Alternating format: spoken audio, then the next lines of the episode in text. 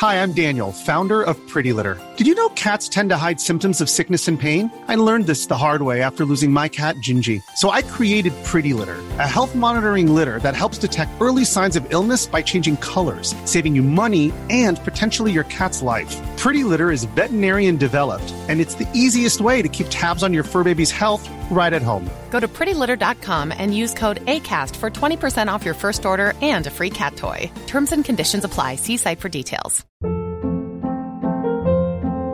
Hold up. What was that? Boring. No flavor. That was as bad as those leftovers you ate all week. Kiki Palmer here, and it's time to say hello to something fresh and guilt-free. Hello Fresh. Jazz up dinner with pecan-crusted chicken or garlic butter shrimp scampi. Now that's music to my mouth. Hello Fresh. Let's get this dinner party started. Discover all the delicious possibilities at hellofresh.com.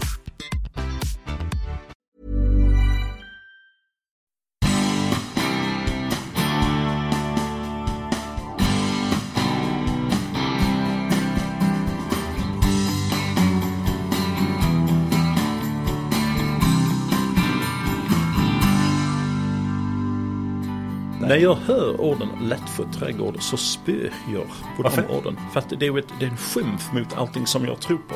Trädgård är inte någonting som ska vara lätt eller svårfött. Det är bara någonting som man befinner sig i, någonting som man varar i och, och, och lever sitt liv i. Varför ska det vara lättfött? För att det var busigt och vi skulle hålla på så vi var som små äh, djur. Vi var som vildkatter i princip. Vi släpptes ut på morgonen och vi kom tillbaka på kvällen. Och jag förstår inte att jag överlevde. Okej, du tror att du vet hur man ska gräva. Nej, det gör du inte. Nu har jag gått all in för att vara eh, svensk medborgare vet du, på grund av Brexit. They had their chance, engelsmännen. De sjabblar bort det, ja. Att prata med John Taylor är som att läsa en bok där författaren lägger till sidor vartefter du läser. Man börjar i trädgården och så vips så har man hamnat i Sheffield bland åtta syskon och en tuff uppväxt där överlevnad stod högst upp på dagordningen. Men vartefter vi pratar så kommer nya kapitel upp, såsom kärleken till Malmö FF, att John lärt nyanlända svenska, ciderodling och surtanter, men också att läsa Samuel Beckett på franska och hur man lurar mördarsniglar. Dessutom har John ett eget sätt att hantera jobbiga upplevelser som kanske inte ligger helt i linje vad psykologer förordar. Innan vi börjar så vill jag rikta ett stort tack till Akkordcentralen i Malmö att vi fick låna ert fina kontor för inspelningen. Dessutom, om en stund presenterar sig en ny partner till podden. Men nog snackat. Här kommer John Taylor.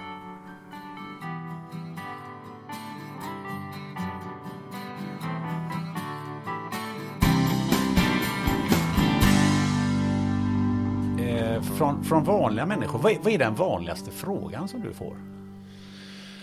Um, vad heter den här växten? Det är den vanligaste? Ja, ehm, det, det är så mycket. Det har varit lite häckklippningsfrågor just nu. Det är väldigt vanligt att folk skickar en bild och säger hur ska jag hantera detta? Vad borde jag göra med detta? Och oftast de kan det, de, behöver bara lite backup, lite förstärkt information. Ehm, så det är enormt många olika frågor man får. Eh, hur, hur, av- hur man blir av med sork är rätt vanligt just nu. Ja. Ehm, så det, det varierar. Hur blir man av med sork? Du måste döda varenda sista en om du är äppelodlare som jag är. Eh, Men, samtidigt som ekolog, eller ekologisk eh, utbildad, då vet man att man inte kan bli av med alla. Så man måste leva med dem. De bara gör sitt jobb. Deras jobb är att shake upp mina träd. Och mitt jobb är att hindra dem från att shake upp mina träd. Så det är ett krig. Eh, Men jag har inget lust, jag behöver inte döda alla men jag måste ändå hålla dem i kontroll. Eh, Så du behöver inte ha för högt gräs i din äppelodling. Samtidigt så att du, du vill ha en blomsterremsa i raden för att främja pollinerande insekter. Och där kan sorken bo. Eh, Du sätter upp en fågelholk för en, för en tornfalk. Eller en kattuggla eller en hornuggla och hoppas att de shakar upp tio gnagare på kväll. Så och sen du jobbar med maskiner. Och sen man kan, du, vissa använder gift och vi använder fällor, det gör vi. Och den är ganska brutal, eh, det är det. Um, men man måste leva med dem, man kan inte bara döda alla. Det är ju, det är ju ingen sunt förnuft det där. Nej, det låter sunt. Men du, man kl- eh, kliver från vanligaste frågan till vad är det vanligaste felet folk gör i en trädgård? Um, kanske att de inte vågar. Ehm, att de inte vågar. Att de, att de kanske inte tar reda på lite mer information. Att de, en vanligaste frågan, nej min själ. Den vanligaste frågan är att de lyssnar för mycket till deras föräldrar. Okej. Det har jag kommit underfund med nu de senaste åren. Och ibland jag går in i en trädgård och säger varför har du gjort det? Jo, farsan har hjälpt mig med detta. Ja, ja, okej, varsågod, lycka till. Eh, och farsan och morsan och, och morföräldrar, oftast är de väldigt kunniga och de vet jättemycket bra grejer. Men eh, ibland kan det gå rätt snett. Men du, eh, jag har en del grannar som, som säger, ja men nu vet jag, ah, jag är inte så intresserad, men jag vill ha en lättskött trädgård. Vad är en lättskött trädgård? När jag hör orden lättskött trädgård så spyr jag på Varför? de orden. För att det är, ett, det är en skymf mot allting som jag tror på. Trädgård är inte någonting som ska vara lätt eller svårskött. Det är bara någonting som man befinner sig i, någonting som man vara i och, och, och lever sitt liv i. Varför ska det vara lättskött? Varför ska, varför ska det vara lätt? Det är ju inte svårt i alla fall. Det är ju ganska trevligt att jobba ute i en trädgård. Det är många positiva fördelar. Så när jag har lättskött, det är nästan som att det är någonting ond som vi ska inte hålla på med egentligen för att det är jobbigt. Men trädgård är inte jobbigt om man sätter sig in och utbildar sig. Då är det faktiskt ganska trevligt. Så lättskött för mig det är som en svordom. Det, där man kan lära sig eh, någonting, det är ju i eh, SVTs trädgårdstider. Där ju du är eh, en del i. Mm, det påstås att man kan läsa om trädgård i den programmet. Ja, det gör det. Egentligen från början, hur hamnade du i trädgårdstider? I det här gänget? Ehm, det som folk inte vet att tidigare på sen 90-talet och 00-talet hade jag faktiskt varit delaktig i Gunnel Carlsons program eh, Gröna rum på SVT med två miljoner tittare. Så jag, jag var inte ny på tv när jag blev tillfrågad. Eh, Men det här senaste runden var så att de hade screentestat alla de vanliga trädgårdskändisar. De hade screentestat dem till och med i min trädgård, i, den trädgården som jag ansvarade för i Malmö, Slottsträdgården. Jag såg dem längst bort. Jag tänkte, oh de spelar in säkert någon liten träd, trädgårdsprogram eller någonting. Men till sist kom de och frågade mig. Eh, och då satt vi där och drack kaffe och ja, vi kom bra överens. Jag tror kemin mellan mig och Pernilla var väldigt viktig. Ehm, och så valde, ja, fick jag det jobbet. Varför, tro- varför tror du det blev så? Um, jag tror att jag är tekniskt kunnig. Jag är högskoleutbildad trädgårdsmästare med många års erfarenhet. Um, jag har lite karaktär, jag vågar säga ifrån. Och det var ett litet ögonblick de frågade mig, är det någonting som du inte kan göra? Och då satt vi där i min arbetebod, jag var rätt smutsig, jag hade varit ute och jobbat på en kall decemberdag. Och jag tänkte lite grann, och jag tänkte, jag kan inte göra någonting, eller jag sa, jag kan inte göra någonting som är hortikulturellt inkorrekt. Och det betyder? Eh, jag kan inte försöka, jag kan inte lura folket att så här gör man med den här växten. Eh, jag, vill inte, jag kan inte köra någon sorts hittepå-grej och fuska och göra någonting dumt eller fånigt. Eh, jag kan ha roliga samtal om vilka ämnen som helst i det programmet men jag kan inte säga någonting som är fel. Tekniskt det är väl sunt förnuft. Bosse Bildoktor, han kunde inte säga sätt hjulen på bak och fram eller någonting eller upp och ner. Han måste också vara korrekt. Och det tyckte jag att de, det hade de inte tänkt att jag skulle säga. De kanske hade tänkt att jag ska säga, jag vill inte jobba med rosor, eller jag vill inte plantera grönsaker. Men jag sa någonting kanske lite mer avvikande än vad de var vana med. Men det är ingen som har bett dig göra någonting hortikulturellt inkorrekt i programmet? Där du har sagt till dem så här att nej, nej, nej, det där kan vi inte göra. Det har jag sagt ett par gånger. Definitivt, jag har kommit och sagt nej det här vill jag inte göra. Det, så hade jag aldrig gjort i, i real life. Inte en chans tänker jag göra det här. Och sen har jag fått krypet i korset och försöka hitta ett sätt kanske att kanske acceptera att jag kanske utför någonting eller säger någonting eller gör någonting utan att det blir inkorrekt. Och oftast gör jag det genom att dissa idén. Att säga egentligen vill jag inte göra det här alls för att det är lite 70-tals. Eh, och det funkar rätt bra om jag ska mobba Pernilla. Jag kan kalla hennes idé för gammalmodiga. Eh, eller, eller, eller jag kan kalla det för modernt hittepå. Att det är bara fusk, du kan inte göra det. Men vi kan göra det för skoj och se vad som händer. Så jo, eh, och sen ibland kommer jag, och folk måste förstå det att jag väljer inte hela innehållet i det programmet. Ibland kan vi nämna en liten idé när vi brainstormar under hösten. Och då kan jag komma tillbaka i mars-april och den här idén har förvandlats av någon sorts groupthink-process och blivit någonting helt annat än vad jag menade när jag lyfte den idé i oktober. Och, och då kan jag sitta och snacka med någon annan och säga varför gör vi detta? Och då kan de säga John, vi vet inte, men du får göra det. men det är väldigt, väldigt sällan att det har hänt. Men ibland har det hänt en och annan gång att det varit lite konstigt. Men det det är ingenting som är fel, ingenting som är fuskigt. Jag kanske har varit lite trött, jag, menar, jag har mina livsproblem också, jag kanske har varit i bästa form eller någonting. Och då kanske det är lätt att vara lite negativ över någonting. Men det kan, ja. Men det känns annars som att ni har en fantastisk eh, stämning i det här gänget. eh, När ni, det man ser i alla fall på tv. Ja men det, det gör vi, det har vi, det har vi. Men vi, vi är som vilken, vi är samma som vilken familj som helst ja. Uh, så, så nej, vi, vi har, det finns ju, uh, det är fantastiskt att jobba med dem, vi har dörroligt. Det är bara bra. Men vi har också familjer, vi har barn, uh, vi har jobb, vi har våra liv och ibland kan det vara andra saker som är utanför programmet som påverkar en. Man är lite deprimerad eller lite ledsen eller någon är sjuk eller det finns ju någon i familjen som har gått bort. Men på det stora hela, ja, vi, vi har supertrevligt. Du, om, om du skulle säga, eh, ja men någon av de här, dina tre kompisar skulle vara med i, eh, i podden, vem skulle du rekommendera att jag ska intervjua? Um, de är ju alla supertrevliga och intressanta. Uh, jag undrar om inte Malin har haft det mest spännande liv. Och, uh, jag, jag, har ju alltid haft ett litet intresse för mode. Ingenting som man hade trott om man tittar på mina klädval. Men det, jag tycker hon har jobbat i, mode, i high fashion och träffat alla de här stora designers. Hon är flytande på italienska och haft en egen butik och sånt eller, eller café i Italien. Det tycker jag är rätt spännande. Hon måste varit med dem rätt mycket. Ja det, ja, det kan jag förstå. Eh, du, ni, ni odlar ju en uh, pumpa där i, i programmet. Det är, vi odlar vaspumpa, det är helt mm. korrekt ja. Mm. Vem vinner? Det får jag inte lov att säga. Nej. Men det är, hård, det är hård konkurrens har jag förstått. Det är ju stenhård konkurrens, definitivt. definitivt. Men det får man upptäcka i sista programmet. Ja, spännande. Det får bli en liten, uh, liten överraskning, vem vet. Mm. Eh, eh, vi har ju pratat om hur du hamnar i det här programmet, men det som jag tycker är, är ännu mer intressant är hur du egentligen hamnade i det här landet. Eh, för att mm, vad jag förstår så har du ju en bakgrund på en ö som ligger en bit väster om Sverige. Märks det? Ja, eh. Vissa människor säger att jag, jag bryter lite. Ja. Jag har läst mig till det. Var, ja. var, eh, var i, eh, i England kommer du ifrån? Jag kommer från Yorkshire. Och eh, är man från Yorkshire då är man väldigt stolt över det där. Samma som att en hallänning är stolt att vara från Halland. Mm. Eh, eller en skåning från Skåne såklart. Eh, Yorkshire är enormt vackert och fint och mycket historirik. Eh, vackraste landskap man kan någonsin tänka sig. I norra England, det är Englands största grevskap. Vi är typ lite halvdanska. På vad sätt då? Ja, vi säger inte thank you. Vi säger ta. Vi säger inte eh, no. Vi säger neo.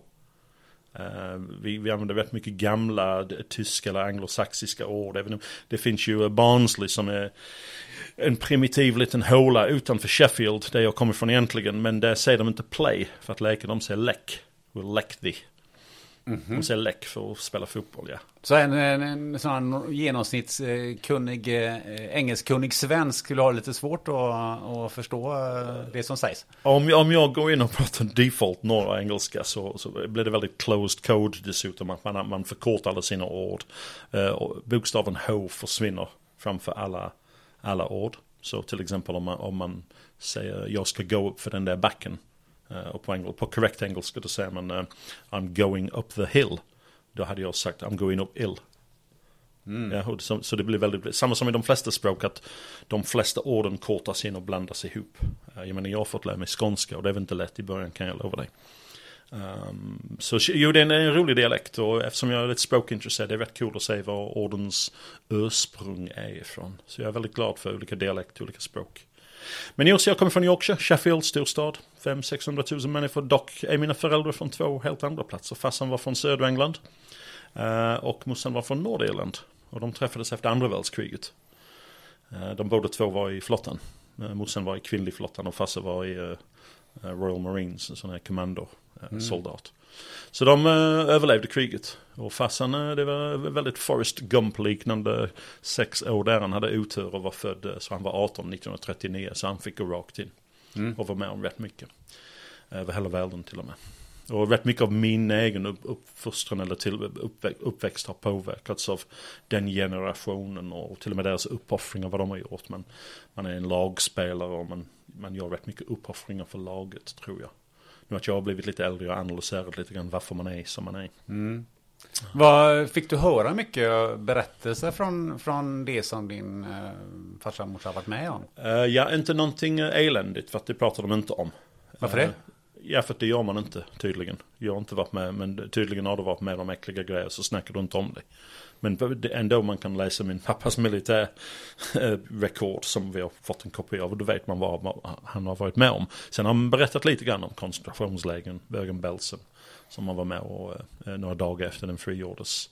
Och eh, andra, andra saker i kriget är hemska saker. Mm. Till exempel på hans militärrekord det står att han har fått en bajonettskada i benet. Mm. Ja, och då måste det innebära vad hände till han som gav bajonetten till min farsa. Mm. Ja, så det, det, det, här är hemska saker. Mm. Uh, så när folk pratar om krig och politik och militären, jag kan ta lite illa upp, de vet inte vad det handlar om för vi vanliga människor till sist som, som sitter där ute. Mm. Uh, I ett hål i maken. Mm. Nej, varför jag frågar lite nyfiket är att uh, mina föräldrar är, var ju också de var inte så exakt i, i den årgången utan de är lite, lite yngre. Men farsan var ju också med i slutet på andra världskriget. Okay. Fast på tyska sidan. Ja, det var ju så ja. Var kom de ifrån i Tyskland? Eh, från eh, sydöstra Tyskland, där då som blev DDR, Leipzig ja. och Magdeburg. Hur gammal var han då? Eh, han är född 27. Eh, så, det... så, att han, eh, han var ju då 18 eh, när kriget slutade. Ja, det är hemskt. Det är hemskt farsan sa också på slutet att det var barn och gamla män. Mm. I, när de eh, mm. kämpade sig genom Holland och mm. Tyskland. Det var, så det var unga pojkar och gamla män. Mm. Um, så det är hemskt, som självklart jag har träffat jättemånga i Sverige som har uh, haft föräldrar som har varit med i kriget. Och det är för att jag tycker att EU var så bra. Och det är därför att jag var så anti-Brexit. Jag kan förstå det från vissa anledningar att EU blev ju för stor kanske. Men uh, jag såg alltid EU som ett fredsprojekt. Och det gjorde de flesta som var emot Brexit också tror jag. EU var för fred framför mm. allt.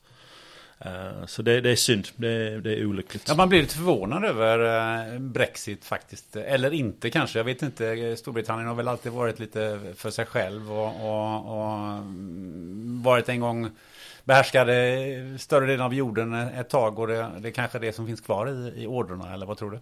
Jag tror det, det är ett väldigt, väldigt klassbaserat samhälle. Ehm, klass är väldigt, väldigt starkt, det är sociala klasskillnader. Och, ehm, och sen är det ju mycket snack förstås om eh, invandring och väldigt mycket, väldigt mycket lögn som, som fördes fram. Och man undrar om de fick ju massa pengar från Ryssland för den här kampanjen. Och, ja, det vet man inte. Eh, men jag tänker på, du sa att England är väldigt mycket, eller Storbritannien är väldigt mycket, mycket klass. Vad, vad, vad är din egen klassbakgrund skulle du vilja beskriva som? Eh, min egen klassbakgrund är C2 som det heter som jag lärde mig i sociologiutbildningen. Det vill säga lägre medelklass från tjänstemannaföräldrar. Och det har varit roliga diskussioner många gånger med folk som kanske inte har läst det här men det, för att de tror att Sverige är ett klasslöst samhälle. Ja, ja, okej okay då. Så jag begriper inte hur folk kan tänka på det viset. Men um, farsan var militär och jobbade med, i det militären hela sitt liv och sen jobbade han för polisen lite grann efter med deras, han räknade pengar för dem, han hade en fantastisk hjärna för pengar.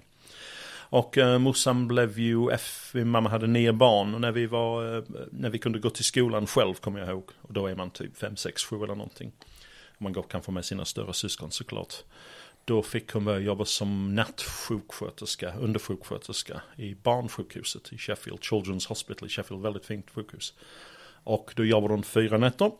Och då jobbade hon inte fyra nätter, i typ i hela min barn upp, uppväxt. Jag kommer ihåg när jag gick ut och skulle ta bussen till skolan eh, på morgonen klockan åtta. Då gick jag, min mamma kom av på bussen, tände en cigg, gick hem och så bara, hej mom. Och då jag bara sprang förbi till min buss och så vinkade hon till mig, hej hej. Så då, då sågs vi på morgonen. Och sen när jag kom hem från skolan på eftermiddagen, eh, jag skulle gå upp alltid med en kopp te. Hon skulle skrika ner för trappan, då hade hon sovit till klockan fyra. Och jag skulle få shoppinglisten och gå och handla för henne. Så att vi skulle laga mat. Men du, nio barn, det är ju uh, inte helt vanligt. Ja, och det pratar med jättemånga som från, från förr och även nu som har stora familjer. Och det, i den, mina mamma var katolsk från Nordirland så det blev ju stora familjer. Um, det blev ju stora familjer. Så det var ju barn i vår skola med 10-11 barn till och med. Men det var rätt vanligt med 4, 5, 6 barn när jag var liten. Hur är det att växa upp med, med så många syskon? Är det kaos? Uh, det är ett konstant kamp för mat och vi fick jättegod mat från min mamma, inga problem där. Um, du får ju mycket kläder från dina äldre syskon. Uh, du lär dig att inte få grejer. Du lär dig att försvinna. Och du lär dig också att du måste skapa ditt eget liv. Så det var ganska, jag upptäckte någon gång, kommer inte ihåg hur gammal men det var ganska befriande att jag får fixa det här själv. Um, du lär dig att hantera stora grupper människor. Att, att, ja, att vistas i de sorts miljöerna. Så. Vad tänkte på, är det någon som har gått eh, din väg? Som är inom, inom trädgårdsutbildningen? Nej, det var jag. Det var du? Det var jag. De är, vet, många av dem är väldigt duktiga i trädgården däremot.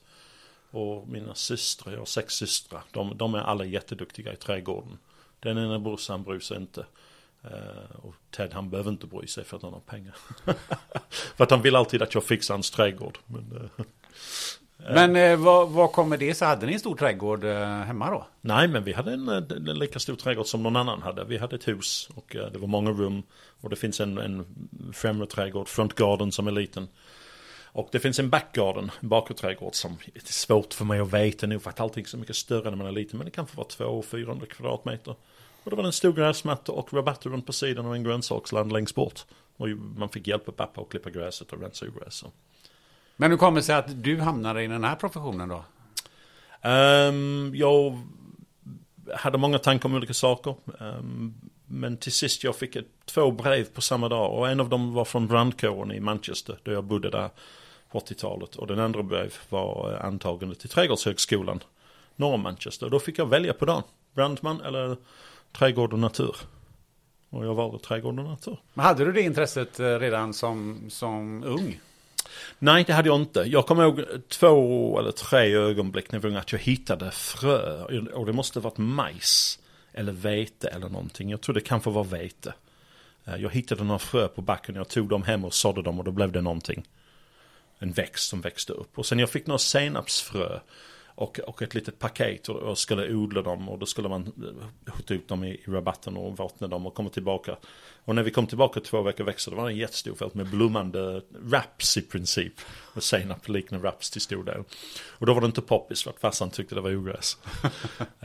måste, men nej, jag, hade, jag ville bara vara utomhus så vi pallade mycket frukt. Vi pallade enormt mycket frukt och till och med grönsaker. Något som jag kan skämmas för lite nu såklart. Viktigt, skammigt är det. Eh, men det var ju vardag för oss då.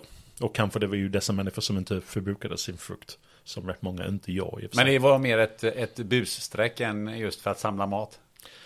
Det var bussträckor för att vi var hungriga och det var för att det var busigt och vi skulle hålla på så vi var som små eh, djur. Vi var som vildkatter i princip. Vi släpptes upp på morgonen och vi kom tillbaka på kvällen. Och jag förstår inte att jag överlevde. Alltså? Ja men det är så mycket farliga grejer som man har gjort bränner upp saker och ting och i gamla byggnader och ramlar ner och klättrar upp på tak och tittar ner över brunnar som har kanske 20 meter djup med gyttja i botten. Så, så verkligen, jag är tacksam för varje dag att jag har på det här jordklotet. Du kan tänka dig bakåt när du ligger i, kanske i någon sömnlös natt att eh, den där gången det och det hände eller den där gången. Det är liksom sådana här flashbacks som man kan få när man, när man som vuxen. Jag har jättemånga livsfarliga flashbacks. Totalt obegripliga saker vi gjorde, jag och mina. En av mina, ja, båda mina bröder, alla våra vänner, vi var helt galna. Men alla överlevde? Eh, ja, det gjorde de. Men det var rätt många i min skolklass som inte finns. Så min skolklass, den kan man titta tillbaka och gå in på Facebook och se. Det är kanske hälften som har gått bort i olika olyckor eller saker och ting. som är... barn redan eller? Nej, nej, nu eh, efter 50 år plus. Att det är ju inte alla som var i min skolklass, 30 människor som är med oss. Men det är väl normalt, jag menar folk dör. Men tack och lov har familjen överlevt. Mm. Du, eh, någonting som du höll på med mycket, det berättade du på lunchen här, det var ju eh, olika typer av sport.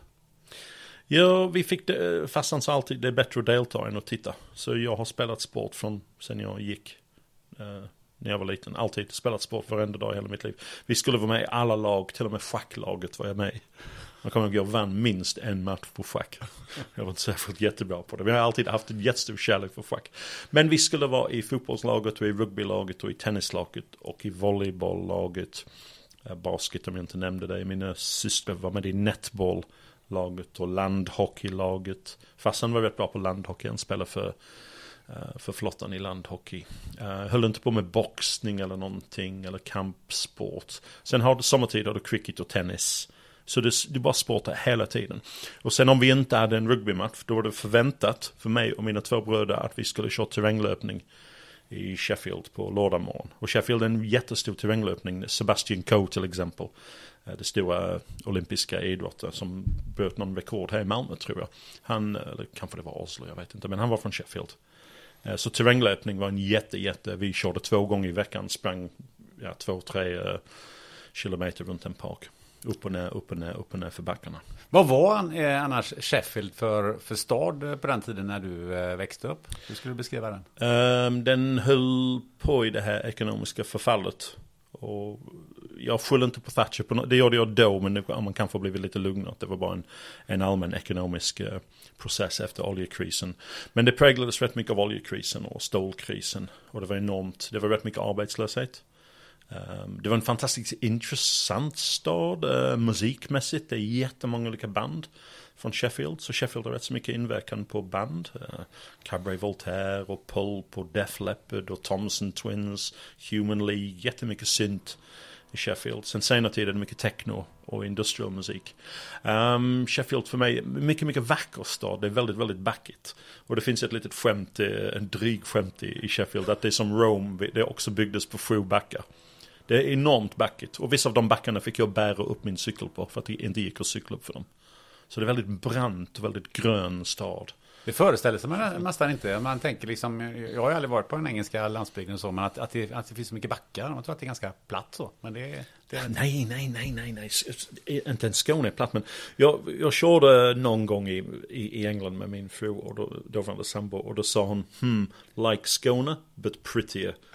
Och som sa, som Skåne fast lite, lite finare. Och, det, och jag tror det är mycket att vi, här ute har vi det här jordbruksmonokultur och vi har inga häckar eller murar.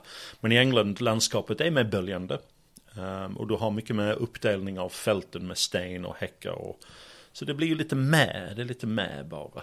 Eh, Sen tycker jag om allting, jag, jag bryr mig inte överhuvudtaget vad jag gör, jag tycker allting är vackert. Kvittar. Allting är vackert. Allting, det, jag bryr mig inte om jag är mitt ute i en öken i Kalifornien eller ute på havet på en segelbåt eller in industrilandskap ute i hamnen i Malmö. Jag tycker allting är fint. Jag uppskattar varenda sista lilla pixel som mina ögon ser. Det är lite ovanligt för folk har ju alltid, de flesta har ju liksom, men där, det tycker jag absolut, det, man skiljer väldigt mycket mellan vackert och fult. Hur kommer det sig att du, att du tycker att allting är så vackert? Eh, för, för, Jerry Seinfeld sa någonting. Folk undrar alltid varför eh, män, och det är främst män, som står och tittar igenom byggstaket. Och we're just checking out stuff. Vi vill bara, jag vill bara kolla på grejer. Och det kvittar vad det är. Ett hål i marken är intressant för mig. Jag kan kolla på jordprofil, olika fraktioner av sten, vilka ledningar de har, vad är det som de fixar. Eller jag kan kolla på ett byggnads, när de sätter upp en byggnad i Malmö. Vilken byggteknik använder de? Hur ska de göra det? Jag är bara intresserad i grejer överlag. Jag bara, jag bara tycker livet är för kort att inte vara intresserad i det som pågår runt omkring sig. Jag tycker det är märkligt att frågan ens ställs. Men det, du kan bara titta i det här rummet. Det är fyra väggar, alla är annorlunda. Vi har ett bord med möbler som jag redan spilt mitt vattenglas på. Och vi har en jättefin lampa. Eh, Det, det är mycket här man kan titta på. Eh, Saker och ting är intressanta. Målningar, teckningar på väggen av gamla fina byggnader i Malmö. Hur, mycket, hur länge kan man diskutera de byggnaderna? Ja, det kan man ju göra. Och historierna bakom dem. Ja. Så för mig, saker är intressanta. Och det kvittar om de anses som fula eller, eh, eller fina. Jag hade nog sagt att det är vi människor egentligen som är antingen fina eller fula genom våra aktioner. Om vi gör fina aktioner eller om vi gör ofina aktioner. Men jag kommer osökt att tänka på lite sådär, eh, det kanske är en förutfattad mening eller någonting, men, men blir man, eh, genom att tänka som du gör och tycka, blir man inte också väldigt harmonisk då föreställer jag mig? För, för jag tänker mig att man slits mellan, men det här är fult, det är fint, det här måste vi fixa till. Du kan liksom bara gå in lugnt och stilla och säga, men det här, det här tycker jag också är fint. Eh, eh, jag kan tänka lite grann som en katt. Att när en katt går in i ett rum, den hittar den finaste platsen. Och den är nöjd med den platsen som den hittar. Den ställer inte mycket krav på omställningen. Det är bara att hitta en fin plats, skugga eller sol och sitta i det. Och det kanske är lite djurisk på det viset att vara nöjd. Och sen man är ju vid sina vänner som om de går in i ett rum, de tänker hur de kan inreda det fint. Eller hänga upp grejerna på väggen eller måla om. Och det är, jo, jag kan också göra de saker. Jag har också sig och målat. Men det, det är ju inte någon, det är inte någon prio i mitt liv. Det är, det är snarare som mitt, de människor jag, jag känner att de har det bra och mår bra eller fixar livet. Det är ju viktigare än färgen på väggen. Det, det finns ju två fotbollslag i eh, Sheffield också. Ja, det finns. Det finns eh, Sheffield Wednesday och eh, Sheffield Wednesdays B-lag. Jaha. Vilka är det de då? Sheffield Wednesdays B-lag. Ja. Det är ju de som inte får spela i Sheffield Wednesdays första lag. Okej, vad heter de då? De heter Sheffield Wednesdays B-lag, reservlaget. Du kan förmena att det är andra laget som heter Sheffield United. Jo, det finns två Ja. lag i Sheffield. Du hänger inte med här. Jo, jo, jo, jo, vill Men det är ett skämt. Det är två lag i vår stad. Och Okej. det är vår A-lag och vår B-lag. Vi erkänner att det inte laget finns. Så till exempel i Malmö, där mitt äkta fotbollshjärta är nu, förstås för att jag har bott här i 30 år. Då finns det två lag. Malmö FF och Malmö FF U20, eh, förlåt mig, Malmö FF här och Malmö FF dam. Ja. Och sen finns det en annan förening, IFK Malmö, som jag klart har respekt för. Det var ett roligt skämt. Ja, jag förstår. Men, eh, men vad, alltså, jag roar mig faktiskt med att kolla in läget just nu för de här två Sheffield-lagen. Och ingen är, har ju direkt rosat marknaden kan man Nej, säga. så det, är rätt kass. Det är rätt kass. Ja. Båda två kommer att äh, nedgraderas till en lägre division nästa Ja, jag kommer inte ihåg om det var B-laget eller A-laget som ligger i eh, Premier League nu. Eh, det, nej, det, det, det är min brors lag, Sheffield United, men jag, jag vill inte prata om det för mycket. Jag, jag, jag följer det lite från avstånd, men jag, jag, jag, man kan bara ha en älskare. Om man är en. Men, men varför? Jag, jag, jag bryr mig inte så mycket om fotboll i England längre. Jag är från Malmö, då hejar jag på Malmö FF. Punkt slut. Jag kan inte hålla på att följa Sheffield Wednesday. Mer än från avstånd, som en gammal fin kärlek som fanns. Och det gör jag. Jag kollar på matcherna ibland på YouTube. Jag kollar två minuter, förkortade highlights. Men det, det går inte att följa det slaviskt som jag gör MFF, som jag är medlem i förening och går på alla matcherna och sånt. Men jag måste bara, bara så att vi förstår, varför är du så oerhört för det ena och det andra i B-laget? Är, är, det, är det olika typer av människor som gillar eh, de här lagen? Eller finns det någon, finns det någon annan indelning? Eller vad, vad liksom är, vad, Nej, är, hur det- fungerar det? För att jag har alltid funderat faktiskt på det.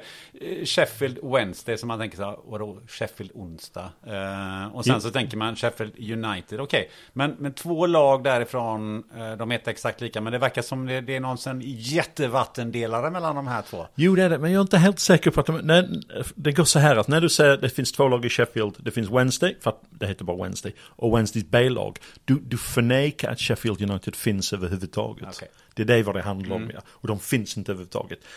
Eh, vattendelare är för att du har två lag i ett stad och det är klart det kommer att dela hela stan. Så min bror här på Sheffield United, jag här på Sheffield Wednesday. Så det. I skolan också, det var samma sak. Eh, och då var ju den tiden som det var ganska våldsamt på matcherna. Det var rätt mycket hooliganismen och det var rätt mycket bråk. Och det har jag sett lite av eh, på nära håll kan man säga när jag var 16-17. Um, det var en, en gammal klan eller tribal uppdelning, samma som det finns i rätt många städer. I, i Belgrad till exempel, då är partisan och du har Röda Stjärnan.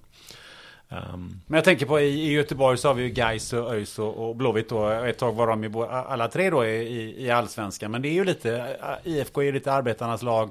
ÖIS är lite, lite Örgryte, det är lite finare. Det är inte, det är inte så mycket arbetare över det. Gais är, är de som aldrig, alltid förlorar. och Men, men alltid står upp lite, har lite sin egen kultur. Men hur, hur är det när det gäller eh, de här det, två lagen? Det är ju, alla är arbetarklass, men det är klart medelklass går också på. Ja, men medelklass är med cricket och rugby. Okej. Egentligen. Så fotboll det är ju, det kvittar. Och det, ingen kan säga vi är med arbetarklassen, ni är för någon sorts falsk stolthet. Alla är likadana. Eh, Men, men oftast är det stadsindelningar. Att den ena stadsdel här på den, den ena laget och den andra stadsdel här på den andra laget. Men här i Malmö finns det ju inget tvivel då. Utan det är ju IFIF som Ja, gäller. så, så är det. Så är det.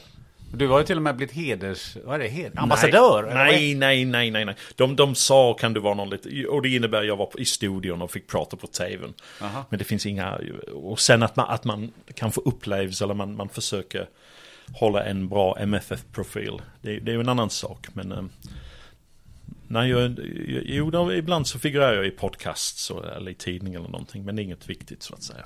Men jag är medlem i förening och stolt och eh, eh, just den klubben den tar många, många delar av samhället tillsammans. Eh, du träffar alla när du går på match. Om man tänker Malmö kanske har 300 000 invånare och ja, 22 000 av dem är på match. Det är rätt många. Och sen alla cyklar hem efter. Alla som du känner. Och du ser dem i butiken, du ser dem på jobb. Och, och du delar ganska många fina, eh, tunga upplevelser. En, en sån enorm passion som du, du har på matchen som inte liknar någonting annat. Jag har en kompis och han sa efter Marcus, Rosenbergs sista mål mot Dynamo Kiev som var eh, en otrolig upplevelse. Han gick till jobbet efter och han sa till alla sina kollegor Ni har upplevt barnförlossning och bröllop och allting i familjen. Sen sa han Morgan, han sa ni kan inte förstå den eufori som vi upplevde igår. Ni kan inte förstå om ni inte var det. Och det var rätt många av dem som var det. Och, och det är sant, det är en sån oerhört gigantisk kärlek till någonting som är ganska abstrakt egentligen. För att trots allt det är elva förmodligen ganska dumma pojkar och förmodligen rätt många ganska trevliga pojkar eller tjejer som spelar fotboll som kickar en boll i ett mål. Så om man tittar på det på papper, det låter ganska eh, eh idiotiskt eller ja, futile var ordet, äh, intetsägande. Eh, men när man är där och man binder, man binder allt det tillsammans, det är rätt fint. Det finns ju en, ett litet begrepp, vi säger att det är okända män kramar okända män. Och det är väl bra för det här samhället när det händer. Jag har sett människor gråta där. Fina, trevliga människor som jag känner inte känner gråt av glädje. Ja, det är fint. Det är någonting fint vi har faktiskt. Ja, och då har du åkt med på bortamatcherna på Champions League också då förstår jag? Uh, några matcher nu, jag har, jo det har jag. Uh, det gjorde jag inte innan för att jag hade barn. Men nu när de har vuxit upp och man kan få lite mindre av det ansvaret så har jag förhandlat mig till uh, två bortamatcher på en säsong.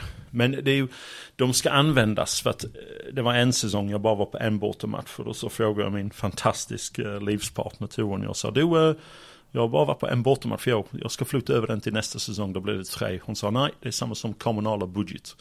Det är ett års budgetar. Du kan inte föra över bortamatcher från den ena säsongen till den andra. Och det var rätt cool. Men jo, jag har varit i eh, Glasgow i Skottland. Jag har varit i Wolfsburg i Tyskland.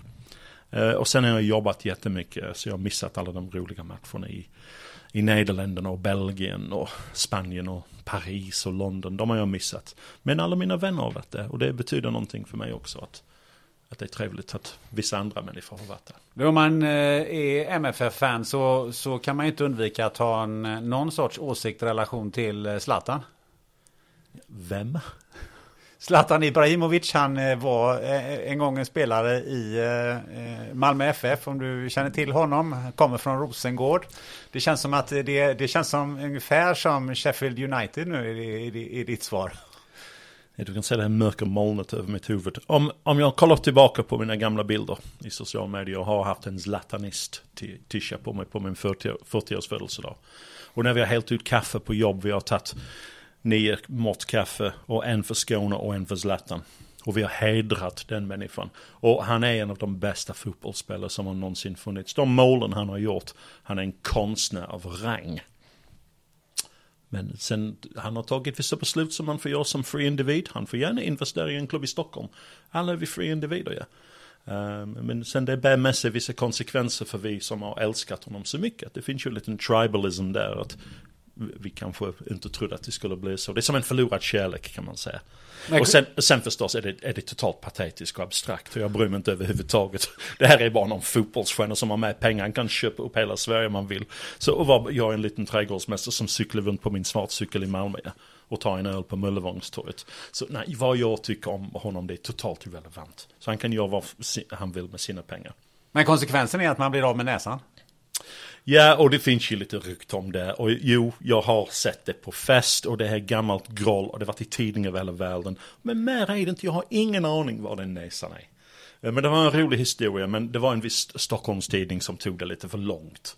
Och de sa att du eh, visste vad näsan visste, var? Jo, jag har sett det på fest. Det vet alla var den är. Alla vet att det är någons nya pojkväns systers bror som har det.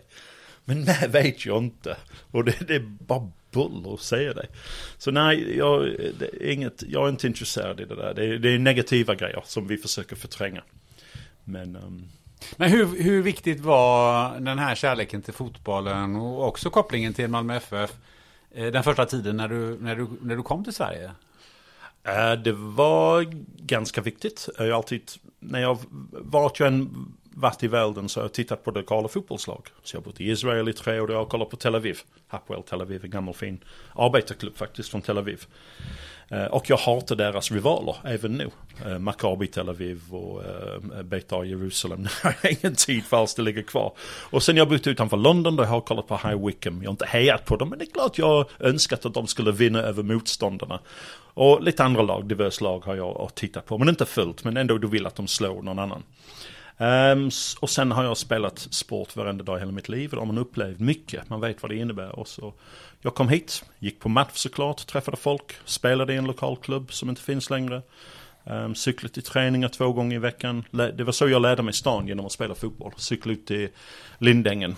Uh, och sen cykla över hela Malmö till olika eh, fina föreningar och spela fotboll. Jättefina minnen. Så det var jätteviktigt. Läsa språket. Om du är målvakt i Malmö, du, du lär dig väldigt mycket slangbegrepp väldigt snabbt. Kallar någon för ett kolahuvud. Det uttalas kolahue. Eh, så det, det är jättemycket roliga ord och begrepp och, och matcher, även, även när jag har varit vuxen och spelat i Malmö. Ja. Jätteviktigt. Men du sa eh, att eh, du hade också bott i, i Mellanöstern. Ja. Var, var, var detta innan du kom till Sverige? Eller? Ja, jag ville uppleva det här livet på kibbutz, på de här kollektiv, kollektiva gårdar som speglade mitt syn på uh, samhället rätt mycket. Att man skulle kanske leva på det viset. Var, var det någonting särskilt du tog med dig därifrån uh, som gjorde intryck på dig? Um, jag har plockat en miljon citrusfrukter. Och jag kan jobba långa dagar i solen och lärt mig en viss del hebreiska och arabiska har jag lärt mig också lite.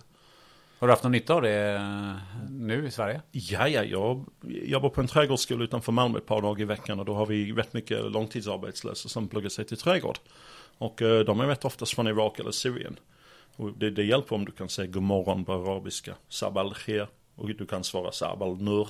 Eller du vet att en tomat heter baldura eller albandura eller du kan räkna lite. Eh, du vet att chamsin betyder fyra eller arba'a betyder fyra eller någonting. Så det är ju det är väldigt mycket begrepp. Eh, och, och eftersom språket är inte främmande för mig, det låter inte hotfullt som jag tror att det är rätt många som upplever att det är. Så jag jobbar med jättemånga härliga, främst killar från eh, Syrien, Irak och Iran och Kurdistan. Och det är jättefina människor och de kommer få jobb allihopa faktiskt. Så jag, jag har rätt mycket respekt för individen. Det, är människor som har flyttat hit rätt ofta för att det var krig och elände. Och om jag kan hjälpa dem få ett betalt arbete så har jag gjort någon nytta tror jag. Men varför kom du själv eh, till eh, Sverige och hur upplevde du Sverige mm, så att säga när du kom hit? Kallt. Men det var vintern. Ehm, um, eh, ja, det var på grund av en relation. Den relationen har jag inte längre. En kvinna, jag är skild med en annan relation. Men ändå jag flyttade hit och skulle give it a go och göra ett försök. Jag har två jättefina barn från den relationen. Och jag lärde mig Malmö och blev totalt kär i Malmö för att Malmö tog emot mig med öppna armar. Fanns det några likheter mellan Sheffield och, och Malmö när de kom hit? Nej, det var lite annorlunda, mest fysiskt för att Sheffield är så enormt brant och backigt och Malmö är ganska platt. Eh, jag är van alltid att titta upp, men i Malmö är du alltid instängd tills du kommer ut på slätten. Um, sen när du kommer upp på slätten då är du i en form av natur som är rätt trevlig. Men som arbetarstad, ja definitivt. Att det finns ju den här stoltheten. Som, samma som det finns i alla arbetarstäder. Eh, steg. att du är stolt, du jobbar, du har ett yrke, du tar hand om din familj och kanske andra i samhället. Och du försöker göra ditt bästa för att göra samhället fint. Så den finns. Och överlag jag tror Yorkshire och Skåne är ganska lika. Att man, har, man är stolt. Och, men jag tror att det är samma överallt. Alla tror att de är tysta och jobbar hårt och är duktiga och inte skryter om sig själv och inte pratar om vad de gör för mycket. Det är ju samma över hela världen. Men ibland undrar jag om inte Skåne och Yorkshire och Texas inte är besläktigad på något sätt. Att man är störst och bäst. Det är lite intressant. Det är lite kaxigt. Det heter någonting, uh, en ödmjuk uh, kaxighet i Malmö. Det är kaxigt men på ett ödmjukt sätt. Men har du, har du längtat tillbaka någon gång? Uh, har du, tänkte du någon gång att jag flyttar, jag flyttar fan härifrån, jag flyttar tillbaka till Sheffield? Uh, nej, inte bokstavligt på det viset, men det är klart. Men det, det blev snarare så att det blev en period där jag tänkte, nej, nu är jag från Malmö. Och jag menar, jag har svensk medborgarskap nu och jag identifierar starkt att jag är från Malmö och, och Skåne nu, att jag jobbar här och jag är en del av landet. Att jag, har min äppelodling ute på landet, jag har mina fötter på jorden, jag går på match, jag känner folk, jag har familj här. Um, jag, mm, ja, så, så nej, jag har inte tänkt att jag flyttar tillbaka på något sätt, nej. Men när du kom hit, fick du jobb som, som trädgårdsmästare med en gång? Eller vad, vad, vad, vad sysslar du med? Uh, nej, jag fick ett jobb efter två veckor som städare. På uh, in, ja, en lokal biträde heter det. Ja. Uh, då var jag städare klockan sju på morgonen i två timmar. Det var för frimurarna faktiskt, eller Druid-orden eller vad det nu heter. Jag gick till en lokal, städade den mycket noggrant i två timmar. Jag fick mina 3000 kronor på månadsslutet eller vad det var. Och sen fick jag ett jobb som tidningsbud. Och jag kommer ihåg att jag hade svarta kläder, jag kommer ihåg att det var vita saltsträckor på dem. För att det var, 92 var en väldigt, väldigt varm sommar. Det var en sån här riktig rackarsommar. Och eh, då svettades man enormt mycket. Eh, då man sprang, man sprang upp och ner för de trapporna klockan två på natten. Och sen fick jag ett jobb som eh, ekonomibiträde. Det innebär att jag jobbade i ett kök ute på LV4, den gamla militäranläggningen utanför Malmö. Och det var ju flyktingar från Kosovo-krisen. Men det eh, slutade jag för att det, jag tror att de var på väg att spaka mig. Det har jag fan inte berättat för någon. Eh, det var ju rätt tuffa tider för dem och jag upptäckte rätt snabbt att de älskade barnmat för att det var sött för att de fick aldrig någon efterrätt. De fick bara huvudrätt. Så det var många som sa att vi behöver barnmat till våra barn. Men jag märkte att de gick ut och bara sponade in det själv. Och jag tror att det sågs på eh, siffrorna. Jag tror att de skulle ha kickat mig. Men jag sa jag slutar här, jag har fått ett annat jobb. Och då hade jag flyttat in till ett jobb i trädgårdsvärlden. Um, så det var lite kul. Så ja, det var ganska varierande jobb det. Och sen samtidigt pluggade man svenska på morgonen. Så jag städade klockan sju, gick till svenska utbildning, gick till en praktikplats och sen kanske fotbollsträning två kvällar i veckan. Och sen två matcher på helgen för att man spelade både A och B-laget såklart som målvakt. Ehm, så det var väldigt, väldigt intensiv inledning. Och det hjälpte ju säkert till med att läsa svenska, att eh, ha ett så intensivt ehm, livsstil bland svensktalande eh, kollegor.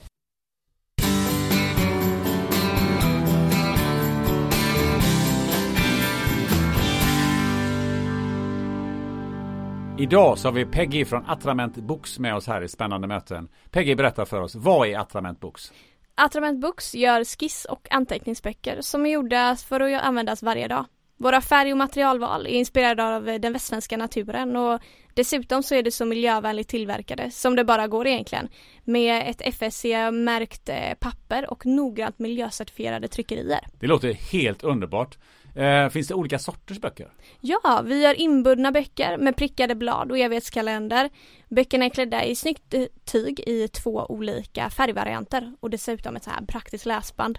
Eh, sen har vi också en uppskattat, eh, ett uppskattat skissblock som många använder, väldigt flexibelt och lätt att riva ut sidorna i den. Lätt att riva ut sidorna, det är helt perfekt. Det kan man dela med sig till sina eh, kompisar. Eh, hur gör man för att skaffa de här böckerna då? Det gör man genom att gå in på atramentbooks.com. Man gör en liten beställning där, sen tycker jag att man ska använda koden Gunnar15. Då får man ju 15% rabatt på ett köp där. Så kommer böckerna lite som ett brev på posten efter det. Helt underbart. Gunnar 15, världens bästa rabattkod.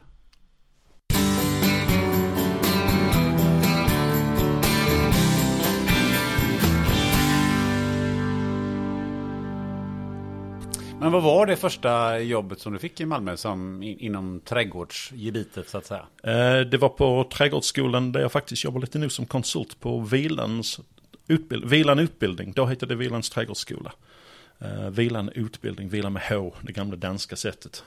Vilan. Och det, var, det hette Vilan för att det var viloplatsen mellan Lund och Malmö. För, för vagntransport.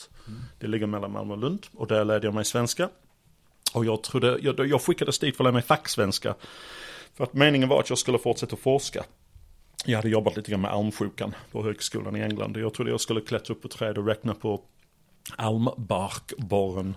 Det var den som fördärvade alla våra almträd. Uh, eh, men det blev inte så. Jag fick ett jobb och en lön och jag hade barn och fru. Och då skulle jag jobba. Uh, så det var på vilan. Jag jobbade där i 5-6 år. Och uh, jag knöt jättemycket kontakter i svensk trädgård där. Jättemånga kända namn och okända namn. Och jag lärde mig hur trädgård fungerade i Sverige. Jag hade jobbat lite mer med naturvård i England egentligen. Eh, men så det blev ju mycket mer trädgård på vilan. Och jag har alltid skickat mycket praktikanter till vilan och jag har alltid tagit emot mycket praktikanter på mina arbetsplatser från, från trädgårdsutbildning överlag. Jag tror att jag hade 700 praktikanter eh, på mitt tidiga jobb på Slottsträdgården, över 20 år. Så det är rätt många människor i branschen. Ja, hur hamnade du i Slotts, eh, Slottsträdgården? Var det i samband med att du jobbade på vilan eller? eh, Nej? Slottsträdgården fanns inte. Eh, det, jag var på vilan 1994 och det kom ner en mapp från lärarrummet. Vi jobbade på driften. Vi hade blåa overaller och blåvit randiga skjortor. Och vi var medlemmar i Svenska trädgårdsarbetares förbundet. eh, Som inte finns längre, ja. Eh, riktigt gammalt fint socialistfack, ja. Och då fick, jag fick en intervju om jag visste vad facket betydde, hur betydelse det var. Och då var jag sten. Jag var på allt, ja. Jag var ju hård socialist då, ja. Det skulle vara jämnt för alla. Um, um, så jag fick det i jobbet och sen det kom det en mapp från lärarrummet och det, var, kom det, det kom ner en dag för oss, det var för sent för oss att gå på det här forumet, ett möte i Malmö om en fin ny ekologisk trädgård. Men så sa trädgårdsmästaren, en kille från Dalarna, som jag känner även nu, han eh, slängde den på mig och sa Hej Johnny, vad jobb till dig? För att det var ekologiskt. Och ekologiskt då, det var lite skumt, det var lite hippie. Det var jag vegetarian också som var rätt så avvikande på 90-talet i Sverige. Så jag kom i kontakt med, med den här projektgruppen i, i Malmö med Lisa Ising. Som det var hennes idé, det var ju hennes idé som var Slottsträdgården. Och då blev jag trädgårdsmästaren i projektgruppen. Och sen efter tre års lobbyarbete och ideellt arbete när vi jobbade rätt hårt, då fick vi lov från Malmö stad att börja bygga upp en fin offentlig ekologisk trädgård mitt i Malmö. På en plats som hade varit avstängd innan. Den låg bakom staket och var oanvänd. Men Malmöborna hade gjort någon, de hade gjort forskning eller en enkät och Malmöborna sagt att de ville kunna gå runt kanalen med och ha med närhet till vatten. Ehm, och det tog Malmö stad, eh, de, de uppmärksammade detta genom att bygga Slottssträdgården. Och det gjorde vi. Men jag hade åtta stycken arbetslösa unga som gick på någonting som heter gröna jobb. Det här var 97 och de fick 48 kronor i timmen. Du sa här att det hade passerat, vad sa du, 700 personer nästan? Jag har räknat på det och det ligger mellan 600 och 700 praktikanter inom de, under de 20 åren. Vad var det för typ av eh, praktikant? Vad hade de för bakgrund? Uh, vanlig Malmöbo. Uh, började, och det började med långtid, uh, ungdomsarbetslösa. Um, och så efter det, det började med folk som på arbetspraktik och arbetsträning. Um, folk. Och sen efter ett tag när trädgården började bli lite mer känd, då fick man ansökningar från trädgårdsskolor över hela landet som ville vara delaktiga och vill, vill lära sig någonting. De hade hört att vi jobbade ekologiskt med en fin community-trädgård, eller stadsodling heter det nu för tiden, mitt i Malmö. Då, då fanns det inget sånt, det var ingen som odlade grönsaker, förutom folk med kolonilotter och odlingslotter. Nu odlar alla. ja men då var det ingen som odlade någonting. Um, förutom de som gör det hemma förstås. Men, um, och sen till sist, vi fick nästan uteslutande folk från trädgårdsutbildningar. Men jag försökte alltid ändå ta emot folk på rehab och arbetsträning och försöka hjälpa folk. Det roliga var förstås att jag fick ta folk som skulle lära sig svenska. Uh, så jag har lärt jättemånga människor svenska. Och då måste man hänvisa till Bruegels målning av The Blind Leading the Blind. uh, när de här spetälskarna ledas ner i diket av en spetälska. Just det. Um, så det var dörroligt och, och, och ge folk en chans. Och, Slottsträdgården är jättefin och vacker, jag är stolt. Men ändå, när de människorna får ett jobb och kan försörja sig och bygga ett liv. Det, det är det som har varit det som man är mest stolt över. Att unga, du, du, du tar unga människor som prao när de är 15, de kommer tillbaka när de är 18 på en, på en unge sommar, ungdoms sommarjobb. De kan få gå en trädgårdsutbildning och sen de gifter sig och har barn. Och du gärna varit lite delaktig där. Vad var de största utmaningarna med att ha den här typen av blandning av människor som ju eh, oftast säkert inte, inte kunde någonting förutom de som kom från trädgårds, eh, de här eh, skolorna så. Men jag tänker på de arbetslösa eller som, som ska in i samhället igen. Eh, det, det måste varit en otrolig blandning. Um, det var det. Uh, men jag tror att jag fattade rätt snabbt att inte behandla alla samma. Att utgå ifrån folks, uh, jag tror jag hade till och med eh, utgå ifrån folks lust och förmåga, intresse och, uh, och behov. Så säg till exempel du får någon på arbetsträning och det har varit jättemånga människor från, som har varit utbrända eller deprimerade. Och de ska bara göra enkla, monotona saker. Och det kan aldrig finnas en produktionskrav på dem gällande arbete. Det finns inte. Ehm, det här ingick inte i jobbeskrivningen och man hade ingen jobbeskrivning. Men man, ja, mitt jobb det var att bygga upp trädgården med de resurserna som jag kunde skaffa helt enkelt. Sen har du trädgårdselever som går på en trädgårdsutbildning och där kan du sätta lite högre krav gällande eh, prestation och kanske utfört arbete. Ehm, hur de gör ett jobb. De kanske kan jobba med en viss fart om de måste förstå att de ska ha ett jobb sen. Men ändå inte så mycket produktionskrav. Det, det kan du inte sätta på folk som är praktikplats. Sen kan du inte gå runt och handleda folk. Jag har inte fått någon handledning okej, okay, jag har nio människor i den här arbetsgruppen, då har du nu kommit till en fel plats eller fel plats eller haft en liten skev bild av vad det här går ut på. Um, vi ska bygga upp en, en trädgård och du är en del av ett lag, ja. Men de vill ha handledning kanske från en, en, en trädgårdsmästare hela tiden. Nej, det finns inte. Jag måste gå tyvärr på mötet eller någonting. Så arbetsgruppen lärde sig att ta hand om sig själv. Eh, jag hade oftast en assistent eh, sommartid.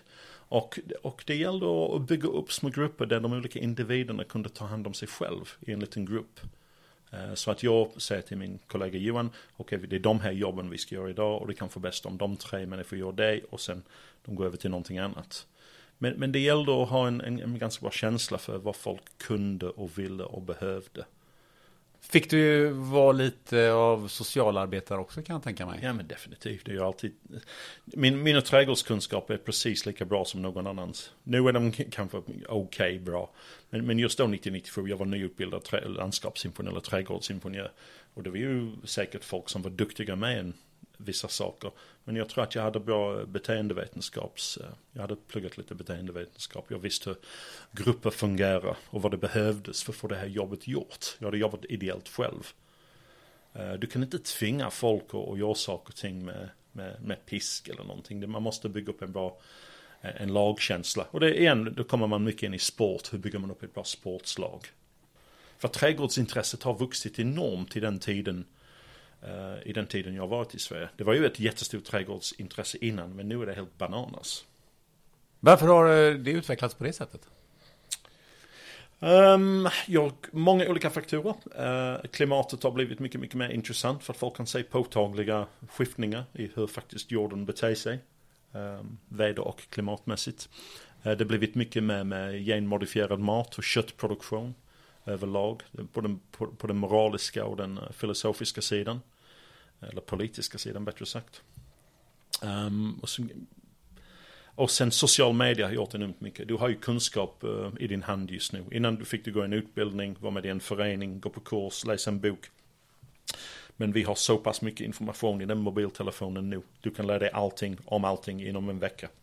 Men det är ju också så att menar, människor har 24 timmar om dygnet att, att göra någonting på. Och varför håller man på med just trädgård? För det här måste ju eh, som du säger, att intresset har ökat så, så mycket, eh, då är det någonting annat man inte gör.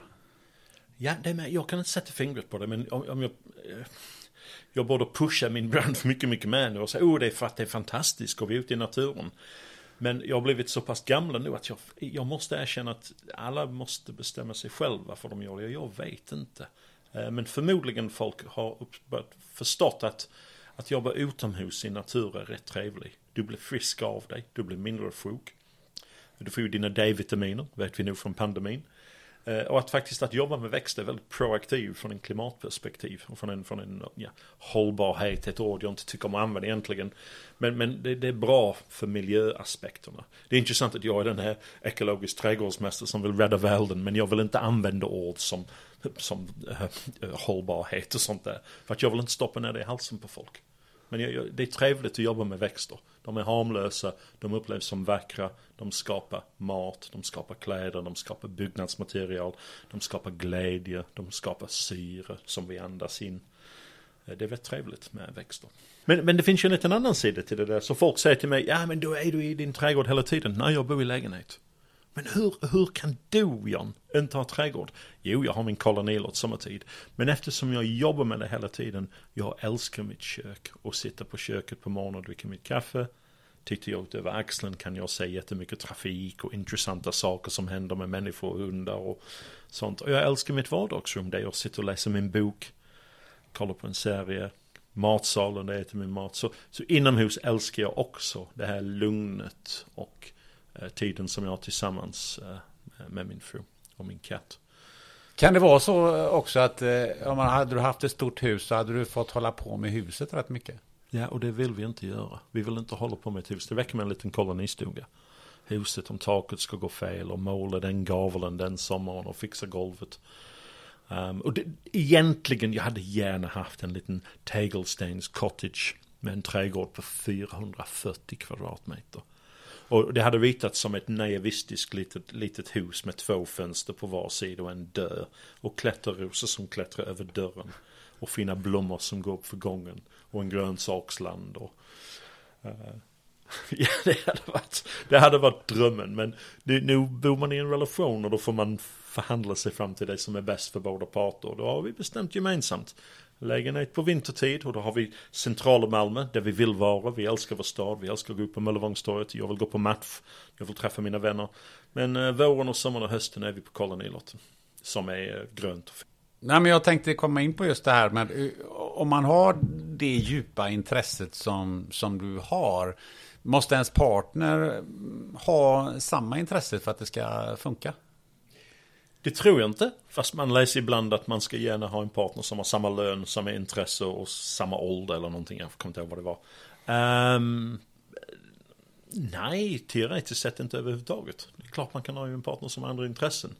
Men det råkar vara så att vi eh, älskar trädgård, vi älskar att hålla på i vår trädgård, vi älskar att bjuda vänner och umgås med vänner på kvällen i trädgård, vi älskar att läsa böcker i trädgård eller i hemmet.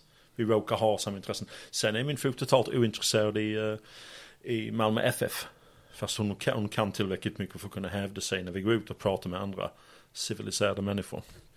Um, och sen hon kanske inte har lika mycket historieintresse som jag, men hon har ju andra intressen. Så nej, man behöver inte vara samma i en relation. Det är, det är inte så viktigt tror jag. Hur är det med dina barn då? Har de haft någonting av, eh, av eh, ditt intresse? Jag har aldrig pushat dem med trädgård överhuvudtaget. Jag har pushat dem för att vara lagspelare. Um, vara snäll och trevlig och göra vanliga saker som man gör som människa. Men nej, jag har aldrig pushat dem i en riktning. De måste kunna bestämma själv. Det är ju väl meningslöst att tvinga sina barn i någonting som de måste upptäcka det själv tycker jag. Ja, det går väl inte att tvinga dem i det, varken i det eller fotboll. Jo, fotboll det har jag tvingat. Där är de hjärntvättade allihopa, det kan jag säga. Där finns ingen utväg. Det har de varit på match sedan de var små, eh, ett år gamla. Eh, och alla presenter de får har orden MFF någonstans på klädesplagget. Så det var doppresenten var en mini ljusblå t-shirt då? Ja, det blir allt sånt där. Det är alltid en MFF-mugg eller halsduk eller, eller tröja eller någonting. Och jag har gjort det nyligen för min dotter faktiskt. Um, nej, jag vill inte pusha. Dock har en av mina två döttrar har jätte, jätteintresse. Hon är lite intresserad i trädgård. Men hon kommer inte jobba med trädgård, det tror jag inte. Vad tycker du om att se farsan på tv då? Uh, det är cringeigt såklart. Lite grann som det är för mig också. Så de, de, jag tror inte de tittar. Det tror jag inte. De har inte sagt att du tycker att det är coolt att... Eh...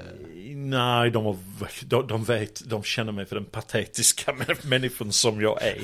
Eh, så nej, de behöver inte titta på mig, nej. Och det, det, är inte lätt för mig att titta på det heller. Nej, jag tror inte de tittar. Att jobba med trädgård och, och, och odling och sådär, finns det någon, finns det någon större mission för dig eh, där i, i det? Jag tror att den har minskat ner lite. Att, att det, det, har blivit en självklar del av mitt jag att jag jobbar med det och att jag försöker frälsa folk för att jobba med trädgård. För att innerst inne vet jag att det, det är en bra sak. Det är trevligt. Vi blir friska av det och vi mår bra av det. Och vi producerar vår egen mat. Vi behöver inte köpa mat från halva jordklotet runt.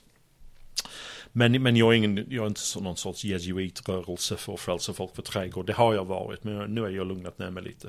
Nu är jag rätt så inne på att försöka hjälper folk i vardagen och hjälper en äldre människa pumpa cykeln eller rätta till någon cykel som har ramlat på gården i morse. Försök göra någonting trevligt i trafiken när man kör bil. Släpp in någon i trafiken eller eh, blivit lite luttrad kanske. Så jag vet att det är bra med trädgård.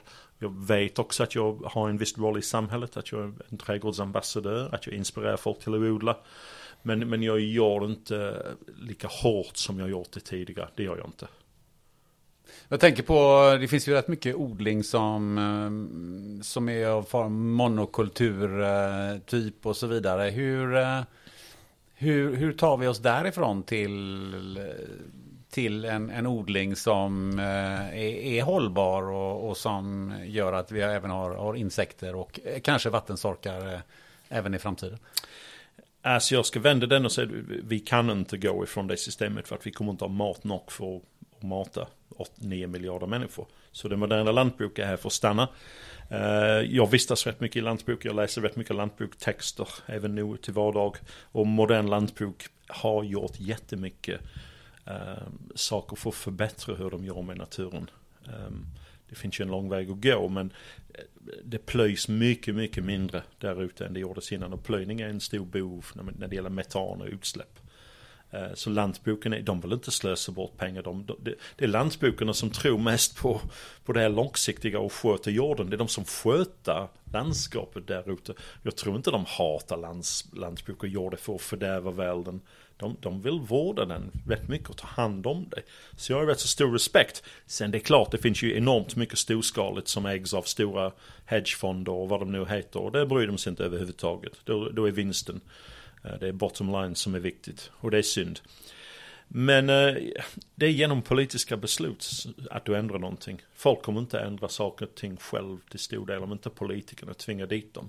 Och de vågar inte för att det är för mycket pengar på spel eller politisk lek eller den ena partiet råkar ha lobbyintresse i den, i den sidan. Men hur mycket tror du att konsumenterna kan rösta med, med fötterna? Rätt mycket, värt mycket. Jag menar det fanns inte ekologisk mat. När jag kom till Sverige 92 du fick vara med i en liten ekologisk förening. Och du fick ju din mjölpaket när du, du kunde gå en gång i veckan och hantera, handla dina grejer som var ekologiska. Och nu handlar man ekologiskt bara därför. Eh, för att folk tror på det. Det finns ju en tro i systemet. Ehm, så vanliga människor kan påverka jättemycket. Men jag tror vi påverkar mest genom att Eh, genom politiken faktiskt. Pol eller politikerna, jag tror inte vi påverkar politikerna enormt mycket, de är människor som du och jag. Men de måste våga ta beslut som är positiva för miljön. Och jag blandar inte mig i politik. Om det är någon som börjar mucka med mig över detta, då kan de träffa mig på torget som vi säger i Malmö. Då kan vi diskutera det i tu man hand. Men alltså politikerna, de är så fega och inte våga ta riktiga beslut gällande eh, jordbruk och miljön. Allt det där med elbilar till exempel borde subventioneras rakt av. Solpaneler på hustak, subventionera allting. Förbjud dieselbilar. Jo, det har vi gjort 2030 eller lalala. Låt oss gissa och se om dieselbilar är förbjudna 2030 eller 2050. Men det är klart, då lever inte vi då ja, förmodligen. Ja, det vet vi ju inte. Ja, det vet 2030 får, får vi, vi hoppas att vi lever i alla fall. Så um, fega politiker, sen man förstår att det är ett revspel och de kan inte och de vill men de kanske inte kan. Och det, men det är synd. Det är synd att det inte är någon som vågar göra någonting på riktigt. För att det gör de inte. Vad tycker du det skulle vara det enskilt eh, bästa, viktigaste beslutet man eh, borde ta? Jag tror jättemycket på att individen måste ta besluten själv. Men vi vet att det kommer inte att göra för att folk är trötta efter jobbet. Och då tar man eh, pre, vad heter det, halvfabrikat mat. För att man inte orkar. Man tar fiskepinne och pulvermos och frusna äter. Jag har gjort det jättemånga gånger själv för mina barn. För att man är knäckt efter jobbet. Man har vaknat klockan sex. Man har hämtat klockan fem. Man har städat, man har handlat, man kan få tvättid. Man ska laga mat för tre barn. Vem orkar? Orkar du handla ekologiskt? Eller jag får leta ner på baksidan på soffan för pengar för att handla mat. Och det har jag gjort några gånger med min, när mina barn var små och jag var ensam. Men sen är det väl också en fråga om eh, ekonomi, för det är ju klart dyrare att handla ekologisk mat än, eh, än vanlig mat. Men i det långa loppet, den, den, den är dyrare att inte köpa ekologiskt. För att det är, ju, det är mer och mer gift ute i luften. Det är mer och mer plast. Ute i, ut i havet och ute i fiskarna. Och nu har vi förstås fått plast i våra kroppar. Jag har förstått att det finns i, i, i barn i, i magen. Och sen, men jag säger inte att jag har lösning. Jag är en totalt maktlös liten individ. Om jag, para, om jag tar någonting från Game of Thrones. A boy is nobody. Alltså jag har bara den makten runt omkring mig, fyra kvadratmeter. Jag kan vara snäll i trafiken. Jag kan odla min trädgård, jag kan odla rosor. Jag kan hjälpa andra människor i nöd. Men mycket mer kan jag inte göra. Så jag tror att jag känner den här maktlöshet som de flesta av oss känner. Och, och just nu det låter att jag är nedtyngd av det. Och jag, jag är det i just de här ögonblicken i det här lilla rummet. Men när jag går ut i friska luften igen, då ser jag möjligheter. Då blir jag glad och då blir jag positiv. Men just nu är jag nedtyngd av min maktlöshet att ändra någonting. Så när du kommer ut i din eh, äppelciderodling med, eh, vad var det, över tusen eh, träd, då, då, blir det, då blir det på annat humör? Ja, först och främst måste jag leta efter sorkskador. och sen jag letar efter harar. För att om en hare kommer i det ena fältet då blir det inte bra för mina äppelträd. Eller mina äppelträd förstås, de har ju en två meter staket runt hela fältet för att hålla rådjuret. Rådjuret kan hoppa in om de vill, men de gör det inte. Um, ja, men om jag är ute på min äppelodling då har jag, jag tittar upp i luften, jag kan se en glada, en tornfalk, jag hör läken sjunga i fältet. Jag ser hare, jag ser rådjur, jag ser örnar. Ehm, jag, ser, jag har sett tusentals tranor i våras. Helt otroligt. Och vi är precis under inflygningen till eh, Malmö flygplats till Sturup. Och jag, det finns väldigt, väldigt få flyg. Och jag lovar de fåglarna är precis där fåglarna hade kommit in. Jag vet inte vad som har hänt men jag har sett mycket, mycket tranor. Som om du ser dem på nära håll är ganska skrämmande fågel. De ser ut som att de hade kunnat döda en med den där långa näbben. Men så, jo det är fint att vara ute i naturen ja. Vad, hur kom du på, på att eh, du skulle odla cider? Var kommer det intresset ifrån? Eller odla äpplen för cider ska jag väl säga. Alltså är du från England då växer du upp med, med cider i samhället för att det är, en, det är en jättestor produktion. Och sen är jag frankofil och varit i Normandie och Bretagne jättemycket och smakat deras cider. Det är lite sött för mig, det franska, men det är ändå gött. Jag föder en torr cider utan socker. Uh, och sen, fan jag tänker, man är i puben ibland och man kan dricka en öl, älskar öl, älskar vin, älskar allting. Jag, älskar, jag dricker inte mycket hård sprit, för att jag mår inte bra av det. Men jag älskar öl, jag är alltid törstig efter jobbet. Och det hade varit gott med cider, men det finns inte. Det finns det väl? Ja men den består av 19% frukt någonting från Kina så vitt jag vet och 80% kolsyrad vatten. Jag kallar inte det för cider. Cider för mig är också av 100% äpple. Och, och, och doftar lite stall nästan. Det är en svår dryck. Du måste nästan ha vuxit upp med det. Och nu har vi gått in i det här och vi producerar vår sida som heter Drygsidor, företagsnamnet. Och den är en ganska svår sälj för att folk tror, A, det ska vara söt. Och B, de tror att det ska ha bubblor. Uh, nej. Och då säger vi, du hade inte haft bubblor i din Sauvignon Blanc. Och då säger de, men det är cider, det är inte vin. Ja, men vin är vin, öl är öl och cider är cider. Och den kan ha bubblor och det kan vara still också. I cidervärlden. Och cidervärlden bestämmer vad cider är. Och cidervärlden är England, norra Frankrike och norra Spanien. Så är det något lite nytt du eh, kommer att föra in här i, Sverige? Eller finns det den här typen av sidor överhuvudtaget? Det finns några företag som håller på uppe i Köping och i Strängnäs och det finns ju lite här runt om i Skåne. Uh, här nere i Skåne är det ganska hipstrigt och det är, det är väldigt, väldigt, det är lite Ja, det är lite fruktvin med eh, de blandar in olika plommon och du, du hade inte kunnat sälja det här i England som cider. Jag tror inte de hade accepterat det. Men drycker kan ändras under tiden. Eh, vin nu är inte vad vin var på 1600-talet. Det är en annorlunda dryck har jag förstått. Eh, så vem är jag för att säga vad är vad då? Men vi, vi producerar cider på det gamla engelska och franska sättet. Eh, att vi tar 100% äpple, vi låter den jäsa som vin. Vi tillsätter lite vitvinsjäst eller öljäst beroende på vad vi vill, vilken inriktning. Det tar 8 till 9 månader och sen buteljeras den och sen säljer vi den. Mm. Och traditionen i England och Frankrike och Spanien är att du odlar dina äppelträd och du jäser frukten själv. Eh, det som händer förstås nu är att vi, det gör inte äppelodlarna i Skåne för att de säljer det som frukt. Eh, så vi köper in också frukt från Österlen, det, det gör vi, annars kommer vi inte upp i de volymerna. Eh, men det är roligt. Jag förstår det. Någonting annat som, som du också håller på med, man undrar ju liksom hur du, hur du hinner med allting. Men, men eh, du jobbar med någon som heter Surtanten och det är inte din fru vad jag har förstått. Nej, det stämmer. Jenny, Jenny Nekella är Sveriges främsta, främsta fermenterare och picklare av saker och ting i burkar. En fantastiskt duktig eh, kvinna, som är också Malmöbo såklart.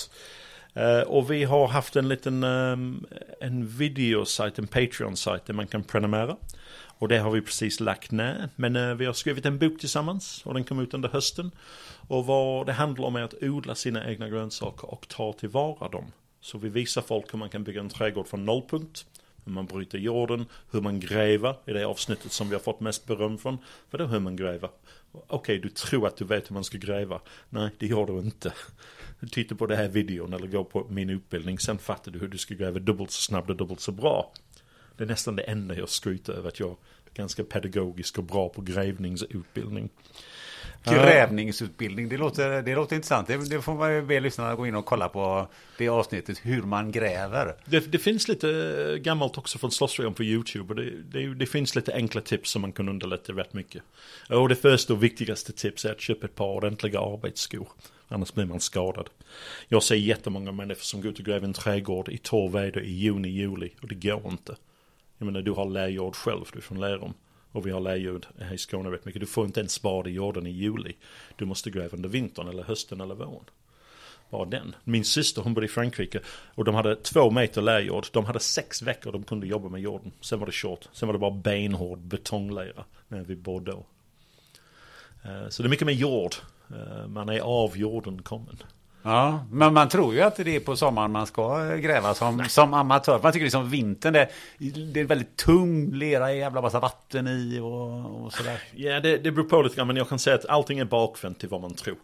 Så folk kommer upp till mig oftast i juli och augusti och säger Oh, nu har du mycket att göra, nu har du mycket att göra. Nej, nu kan jag ta det lugnt, nu behöver jag inte göra någonting.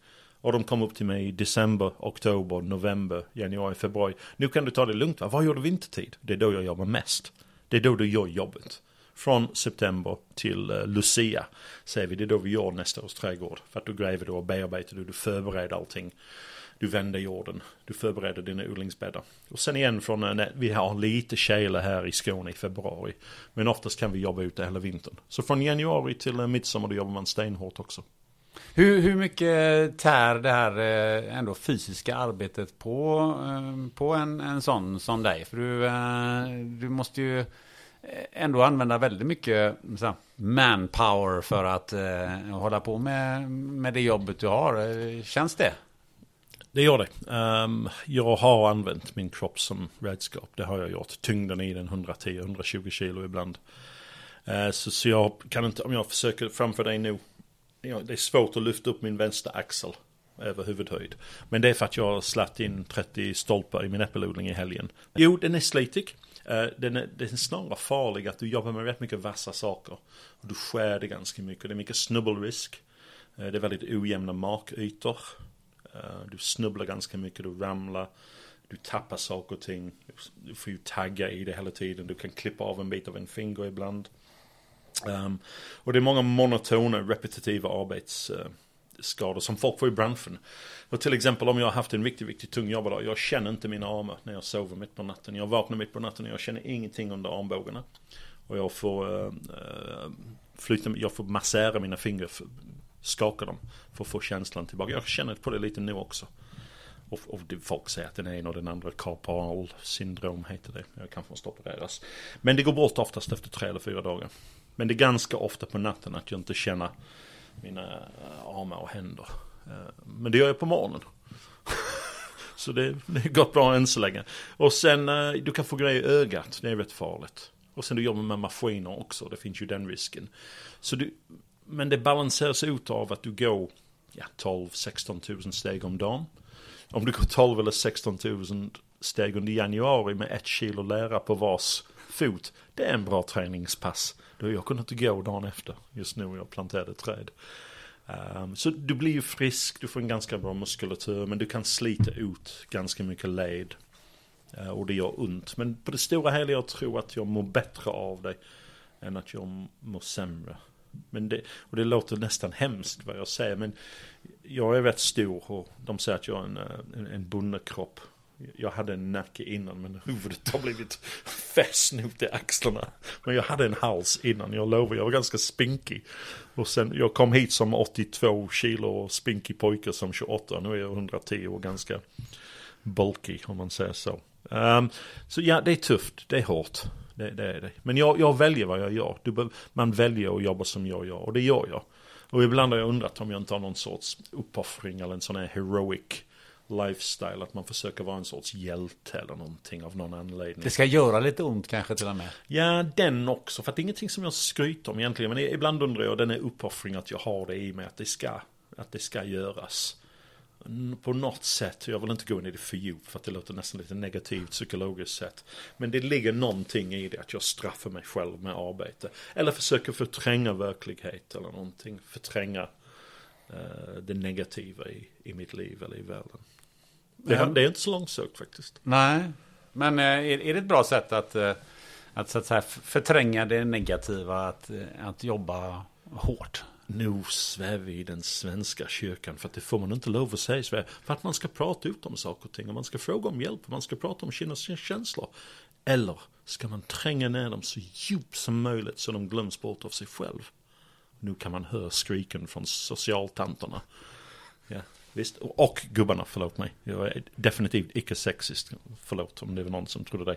Men jo, eh, och jag har märkt att jo, jag pratar om mina... Jag pratar om de saker och ting som har hänt i mitt liv. Ibland det gör jag. Om det är någonting som har hänt min dotter. Jag berättar för dig. För folk. Inte kanske offentligt men i privata sammanhang pratar jag om saker och ting som är negativ. Men jag går inte ut och ältar mina egna problem framför alla. Det gör jag för inte min själ. Det kan trängas under. Som farsan gjorde. Eh, just det att man, man trycker undan det. Poppar inte upp där någon annanstans när man inte vill det så att det ska poppa upp? Eller kan, är det, är, är det, är det, ja, det jobbas, det. du jobbar så hårt så att du inte, så det inte behöver, du känner inte det eller? Det gör det, ibland poppar det upp. Men vad jag har märkt med tid att det poppar upp mindre och mindre och mindre. Men ibland kommer jag ihåg saker och ting i förflutet som har hänt. Ja just det, det var ju hemskt det där. Men sen, nej nu får jag gå, jag ska sluta älta. Då går jag upp och jag fortsätter med mitt liv. Get on with my life. Eh, så ja, man har de här cringiga saker, obehagliga saker som har hänt i sitt liv. Att någon har blivit sårad eller skadad. Man har blivit sårad eller skadad själv. Hemska saker har hänt någon i familjen, ett barn, vem som helst.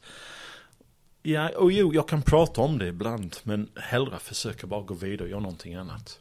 Och folk säger, åh du kan inte springa iväg från dina problem. Jo, det kan jag och det funkar jäkligt bra för mig faktiskt. Men det är för mig, det är inte för alla andra.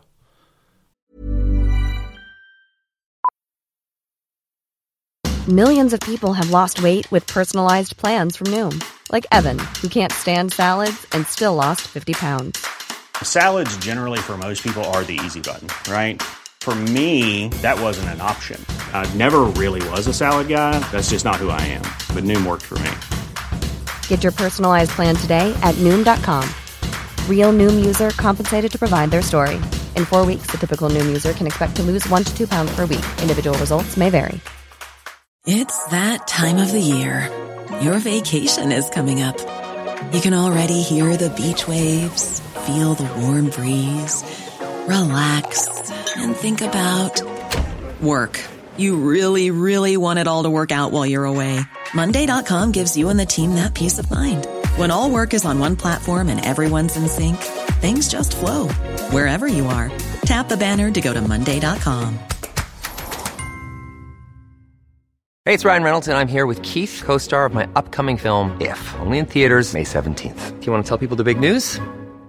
All right, I'll do it. Sign up now and you'll get unlimited for $15 a month in six months of Paramount Plus Essential Plan on us. Mintmobile.com slash switch. Upfront payment of $45 equivalent to $15 per month. Unlimited over 40 gigabytes per month. Face lower speeds. Videos at 480p. Active Mint customers by 531.24 get six months of Paramount Plus Essential Plan. Auto renews after six months. Offer ends May 31st, 2024. Separate Paramount Plus registration required. Terms and conditions apply if rated PG. Nej, det är lite som, som du pratar om i, i Slottsträdgården där, att eh, det, det är inte lika för alla.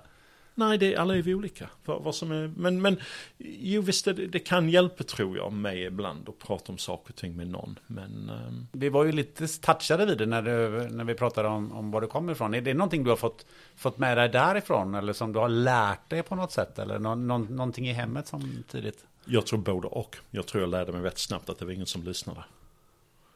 Att jag var bara ett annat mun. Det är ingen som ens vet varför jag heter John.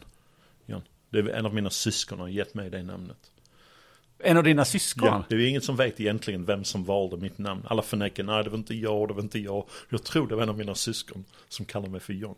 Det är lite intressant. Så, vad, jag så du är inte döpt John, eller det är inte dina föräldrar? Nej, det är mitt namn, men, men mina föräldrar, de, jag frågar min mamma varför heter jag John, så jag vet inte, jag kommer inte ihåg någonting.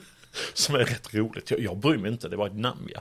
Man bryr sig när man är liten, men inte när man är äldre, då har man kommit eh, lite längre fram. Men jag tror definitivt att jag, i det här kaos, det är konstant brokande, jag, jag, märkte, jag har ett jättestarkt minne av att ibland jag skulle bara gå ut över gatan, springa in i uh, the playing fields, de här fälten där vi, skol, uh, jättestora skolfält där man spelade fotboll. Uh, och jag bara satt där och bara tittade ut och bara tog det lugnt. Och jag märkte att jag ville vara själv rätt mycket. Att jag inte behövde ha en massa folk runt omkring mig. Är det så nu också? Ja, jag är ju väldigt liten eh, svär av nära vänner som jag umgås med. Så jo, det är lite så. Jag vet att ibland jag framstår som att jag tar mycket plats. Och, eller och det tror inte jag själv, eller det tycker inte jag att jag gör. Jag, men okej, okay, jag är på tvn så syns jag lite. Eh, och jag hörs och syns rätt mycket på fotbollsmatchen. Det är mest för mig själv däremot. Jag kan, jag kan befinna mig i den stora publiken och ändå vara mitt eget jag. Det är inget lek. Jag skriker nonstop i 90 minuter för laget. Sen går jag därifrån och är lugn och tyst. Um, men jag tror att jag har både lärt mig och, och kanske det bara blivit så. Så att du är, säger, i den här stora massan så är det, ser du du själv på något sätt då? Eh, jag är, det är definitivt mig själv, men jag är också en del av massan och jag ingår i samma ritualer. Och jag sjunger samma eh, ramsor nonstop. Och skriker med andra och gråter med andra. Men jag är också individ och kan göra mina egna saker. Och det gör jag. Och det är lite avvikande ibland. Folk märker ibland att jag har egna åsikter på matchen. Eh, men det var det, du frågade mig egentligen vad, vad det här med att vara själv, mm. min barndom, ja det är lite med det tror jag. Vad kan det vara? Eh, om det är någonting som du har fått med dig från, från dina föräldrar, eh, att just det här att stoppa undan saker och ting. Jo, definitivt. Det har jag fått från farsan. Typ suck it up. Uh, like it or lump it, sa han. Det vill säga, tycka om din mat eller ät inte den. Jag åt, du vet när jag var liten, du åt den maten du fick framför dig på en tallrik. Nu frågar vi våra barn vad de ska ha att äta. Jag hör mina vänner och min släkt säga, vad vill du äta ikväll till deras barn? Och jag säger, sätt maten framför dem och de kan äta upp den. Och nej, jag vet att jag svär i den här svenska kyrkan igen nu. Det är helt idiotiskt. Gör de hungriga, sätt mat framför dem. De kommer äta vad de behöver. Och jag lider för mina släkt och vänner. Att de har så mycket problem med mat och barn. Kom ihåg innan att om du var bortbjuden till någon, du gick till någon, du gav en flaska vin till värdparet, eller värdindividen, och sen åt du den maten som de serverade. Jo, är det, jag, jag känner folk som tar med egen mat till mitt hus när vi bjuder på mat. Alltså det är en skandal. Så I och för sig är vi inte vänner längre just därför på grund av deras beteende. Det är totalt oförskämt. Kom du till mitt hus, du äter min mat, punkt slut. Är du vegetarian? Vi har potatis, vi har sallad, vi har mycket grönsaker. Men är det ingen huvudrätt för vegetarianer? Ja, du menar protein? Nej, proteinet just nu i det här huset är kött eller fisk. Eller vegetariskt, jag kan laga vegetariskt, jag har varit vegetarian innan. Så det är mycket, mycket konstig tider vi lever i för någon som har vuxit upp kanske lite konservativ och hårt som jag har gjort. Har du fört över det på dina barn också? Nej, nej, nej, nej, nej. Jo, det är klart jag har. De var hungriga och de fick maten. För att jag märkte att de inte ville... För att de växte upp vegetarisk. Så jag märkte upp att... Jag märkte när jag var ensamstående att de ville bara ha vegetarisk mat. Så jag väntade jättemycket för kvällsmat. Och sen var det bacon eller någonting annat. Och det var bara att äta upp den för att de var hungriga. Ja. Men även nu är de lite kinkiga med mat. Att de äter inte... De vill gärna ha vegetarisk. Som är bra av många olika ståndpunkter förstås. Eh, jag är inte anti-vegetarian, jag är super pro-vegetarisk på alla sätt. Um, det är intressant det här hur vi är och varför vi är som vi är. Musan, hon, ehm, hon, hon sa alltid hon ville bara att vi skulle vara lyckliga. Hon hade haft det rätt tufft, växt upp i Nordirland. Eh, hon var äldst av tio barn. Hennes far dog när hon, när hon var tolv. Hon fick ta över hans roll och ta hand om alla de yngre barnen. Plötsligt kom hon hem från eh, ett litet jobb när de var 16-17 och hennes mor sa du ska rapportera till flottan imorgon, mitt under kriget. Du kommer tjäna dubbelt så mycket pengar. Så då, min mamma hon gick in i flottan i, i den kvinnliga sidan. Och hon eh, levererade saker och ting till båten. Hon såg till att båtarna hade deras förråd. Hon sa att ja, det var rätt mycket av de båtarna. Så hon kände dem, men de kom inte tillbaka. Nej. De gick ut mitt i natten i Nordatlanten. Ja. De kom aldrig tillbaka. Så hela deras liv var fullt av sorg och död. Det skapar en viss hårdhet också va? Ja, fast han var hård. Eh, Vi fick stryk när vi förtjänade den. Nu hoppar folk upp och ner, John Barn förtjänar stryk. Nej, men det var den tidens tänk jag. Och jag kan lova dig att jag förtjänade, jag fick vad jag förtjänade. Uh, sen är jag aldrig, jag tror stenhårt, man ska inte slå sina unga nu för tiden ja. Men eh, på 70-talet vi var, vi var hemska barn ju. Eldade och brann och krossade och fördärvade och slogs och Eh, som jag, jag säger det, jag förstår inte att vi överlevde. Speciellt brorsan, mellanbrorsan. Uh, jäklar. Jag förstår inte att han kom undan. Vad ni gjorde? Vi var bara allmänt... Roger var ju lite typ småkriminell. Han typ gjorde lite... Bryta sig in i den lokala mathandeln och sno 40 000 cigg. Men lämna ett tumprint på ett fönster eller någonting. Han var så jävla dum, en bror Fantastisk fotbollsspelare, kunde ha spelat proffs. Tvåfotad, vänster och högerfot. Geni på fotbollsplanen. Jag tror även nu han håller ett rekord för terränglöpning runt ungdomsfängelse. Som han var i mellersta England. Det är ett gammalt skämt vi har i familjen. Han var så pass bra på sport och idrott. Men han kastade allting bort. Man tog sig ut därifrån igen från Ja, det han är stabil. Han har varit stabil sen han var typ 20 eller någonting. Men vi trodde inte han skulle leva länge. Han var en riktig buse. Men eh, jag tänker på det om, om du säger att du vill vara ens, ensam ibland och så. Eh, jag har ju sett att du läser ju en del eh, böcker, du är ju rätt så litteraturintresserad. Ja, jag är glad för litteratur. Jag läste ut en fin bok i morse. Rachel Kusk, eh, online. Heter det. Jag glömde vad det heter, men i alla fall det är en del av en trilogi. Och jag ska definitivt beställa de två, eh, de två andra böckerna. Kollar man ditt Instagramkonto så, så gick du ju hem med ett, eh, ett Samuel Beckett eh, bunt under armarna. Ja, jag, jag älskar Beckett för att det är, me- för att det är meningslöst. It's a play about nothing. Och den fattar jag rätt snabbt. För att jag försökte läsa Beckett och Joyce delvis när jag var ung, men jag förstod inte för att jag var för ung. Det är samma som att jag försökte läsa Sagan om ringen när jag var 12, men det gick inte. När du är 16, det går det. Men Beckett uh, upptäckte jag för kanske 10-15 år sedan och jag har älskat det från dag ett. Varför det? För att, jo, för att det är alltid det livets meningslöshet. Att varför jag vad jag gör och vet jag vad jag gör och håller jag på att bli senil. Eller kommer den här, jag menar Waiting for Godot, i väntan för Godot, det är, det är genialt ju. Och man har förstått i efterhand när man har läst att det handlar om när man blir äldre, att man är, inte riktigt vet vad det är som händer. Och jag tror också att, det, att vi är alldeles för självsäkra över varför saker är som de är. Och rätt mycket av vad jag har sagt, jag har varit ganska självsäker. Men ändå egentligen vet jag inte mycket. Och självsäkerhet i människor överlag upplever jag som ganska uppretande. Att är du säker på att det är på det här viset? Finns det andra förklaringar? Kan vi ha en diskussion? Nej, det är svart eller vit. Okej, okay, då tappar jag intresset när det är svart och vit med människor. Jag vill gärna diskutera ämnena, för att vi kommer inte kunna påverka dem. Bara för att någon vinner en diskussion innebär inte att det är plötsligt en sanning. Och sen finns det vissa sanningar såklart, men ja, det är många olika vinklar till saker och ting. Men då har du också eh, fått med dig att ifrågasätta saker och ting?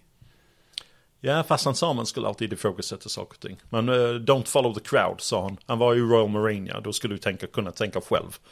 Uh, och du ska inte följa flocken, du ska kunna ha dina egna åsikter. Och det var väldigt högt i tak när jag var liten. Och även om han var konservativ och han var, hade rasistiska värderingar. Men han var ett barn av 20-talet i en vit England. Synd, för att han var en god människa också. Um, men ändå han sa till oss, speciellt till tjejerna, ta inte någon skit från någon, utbilda er och forma era egna åsikter och idéer. Så det är jag ganska stolt över att vi fick det också. Um. Läste du, eh, jag tänker på det, tillbaka till den här eh, böcken, läste du det på originalspråk då? Just de här var på franska ja, mm. uh, men då får jag ta en engelsk översättning och ha det bredvid. Jag har bra skolpojke franska. Så jag kan hävda mig själv uh, på jobbet till exempel med trädgård kan jag typ guida på franska om jag ska guida en grupp. Eh, den är okej, okay. men eh, långa filosofiska diskussioner går inte. Och missar jag subjekt till en mening i en, i en, diskussion och sen efter det det är lö eller la. För att då, då är det svårt för mig att hänga med för vad de pratar om. Uh, men jag, jag, älskar, jag älskar Frankrike och allt med det att göra. Och folk tror att engelsmännen har något sorts hat till Frankrike. Det är totalt fel. Vi älskar Frankrike. Men det kan vara för att jag har gått i katolsk skola eller, eller jag från Irland. Och då Frankrike hyllas av alla. Eh, det, det är ju det, det, som man försöker vara, man försöker vara med som en fransman. Men det är inte man kallar fransmännen för the frogs? Ja, ja, men det är från um, napoleonska kriget där på 1800-talet.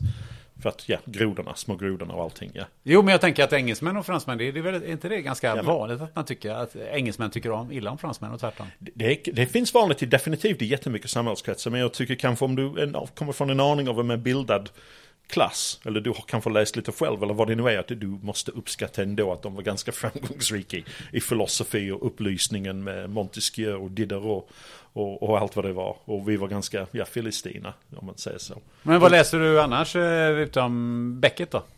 Um, jag är väldigt glad för skönlitteratur, men jag tycker om tung historia också.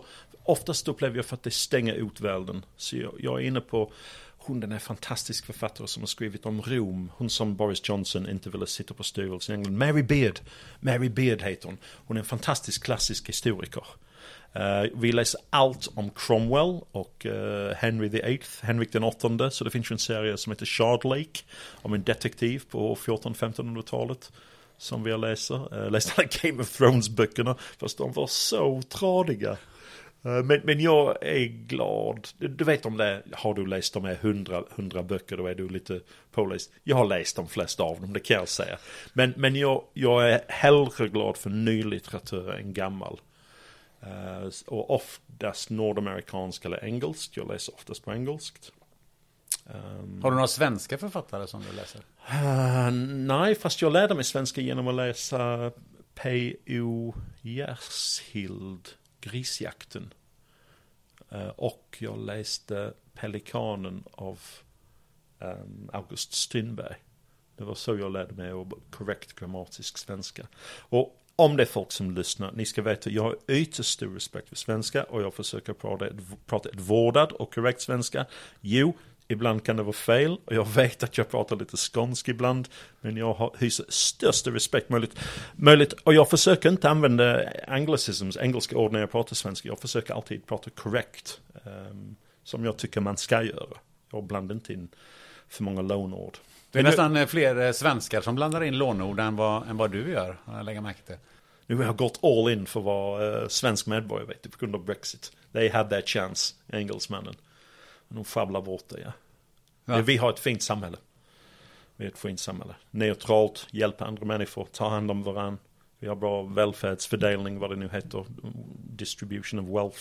Vi tar hand om de fattiga. Uh, det tycker jag är fint, det är någonting som man ska vara stolt över. Sen plötsligt är det brottsligt, vi ska vara som Amerika. Men hallå, titta bara. Ja, det är märkligt som saker och ting. Jag, jag, du måste förstå, det, det är märkligt med att jag har vuxit upp i efterkrigsåren. Jag föddes 64, men farsan var 42, mamma var, var, hon var 30 någonting. Och de växte upp i depressionen.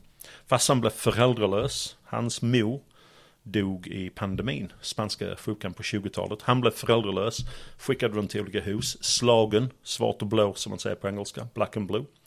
Uh, hade otur och tur att gå in i militären. Och det var jättemånga människor som har sagt att när de gick in i militären, de fick tre måltider om dagen. Och det ändrade samhället ganska mycket för att de hade inte tandvård, de hade inte bra mat, men det fick du i militären. Sen var det bra för att du dog också, ja. Mm, det var ju the downside folk, of it. Ja, folk nu, de vet inte de är födda. Bara titta på Ukraina, Ryssland eller Mellanöstern, ja. Och folk klagar här över att vi ger lite bidrag till de fattiga eller, eller tar emot lite flyktingar, hallå. Alltså hjälp andra människor säger jag. Hjälp andra människor att ha ett bättre liv. Bill Clinton sa det också, give people a helping hand. Ja, Okej, okay, han kan vara ju ganska konservativ på rätt många sätt. Men när jag ser folk som bara försöker förtrycka människor istället för att hjälpa dem. Nej, men vi försöker hjälpa dem genom att förtrycka dem, John. Säger de, okej, okay, cool. Så jag, jag när jag tittar på samhället, jag kan bara bedöma folk över vad de gör. De säger jättemycket och då kan jag ta en viss bedömning. Den människan är kanske god, den är kanske inte mindre god.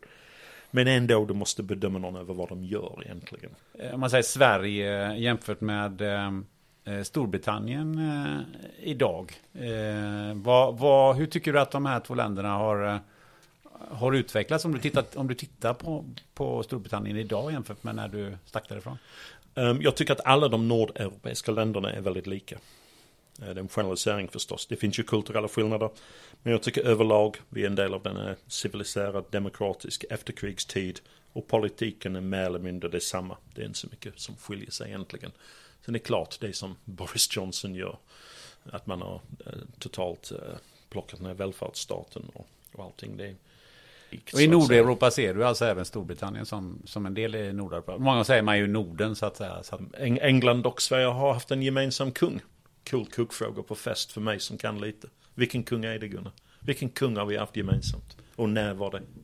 Uh, Answers on a postcard please. Yes. det får nog bli det. Jag kan, jag kan ställa, det är ju Knut den större. Eller Knut den stora. King Knut the Great. Oh. Från 10, vad var det, 980 eller 1000. Mm.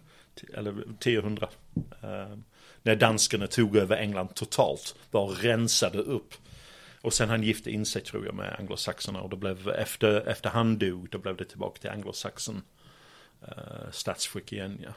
Eh, så, så ju bara det, och drar du den på en fest, åh oh, nej det var inte samma för då fanns inte Sverige och då fanns inte Danmark. Ja, ja, okej. Okay. Men ändå, han hade makt från England till Island till Norge och över Sverige. Det är geografiska enheter som vi finner sig nu. Och folk har ingen aning. Och då kan man ju kontra med och, och, och säga det faktiskt att Eh, för eh, några tusen år till bakåt i tiden så fanns ju faktiskt inte Nordsjön utan det var faktiskt en fast landförbindelse mm. mellan, mellan Storbritannien och, eh, och Norge och Sverige. Där har du träffat en av mina gömda hemliga intressen som är nämligen arkeologi. Aha. Och det finns, ju, det finns ju en bok som handlar om The Dogger People, namnet efter Dogger Bank. Och det, och det vet de flesta att ibland när de är ute och trålar fisk att de får upp husbottnar från Nordsjön. Också, jo, jag är mycket bekant med, med att eh, Nederländerna och Friesland var kopplat till eh, östra England. Och att folk gick fritt ifrån. Och jag tror att engelsmännen är genetiskt identisk till folk från Friesland. Eh, så, så det, jag tycker det är superintressant. Jag tror också, här igen vi kommer in i det här att alla är vi människor. Men ändå folk vill skilja oss åt. Mm. Um, intressant.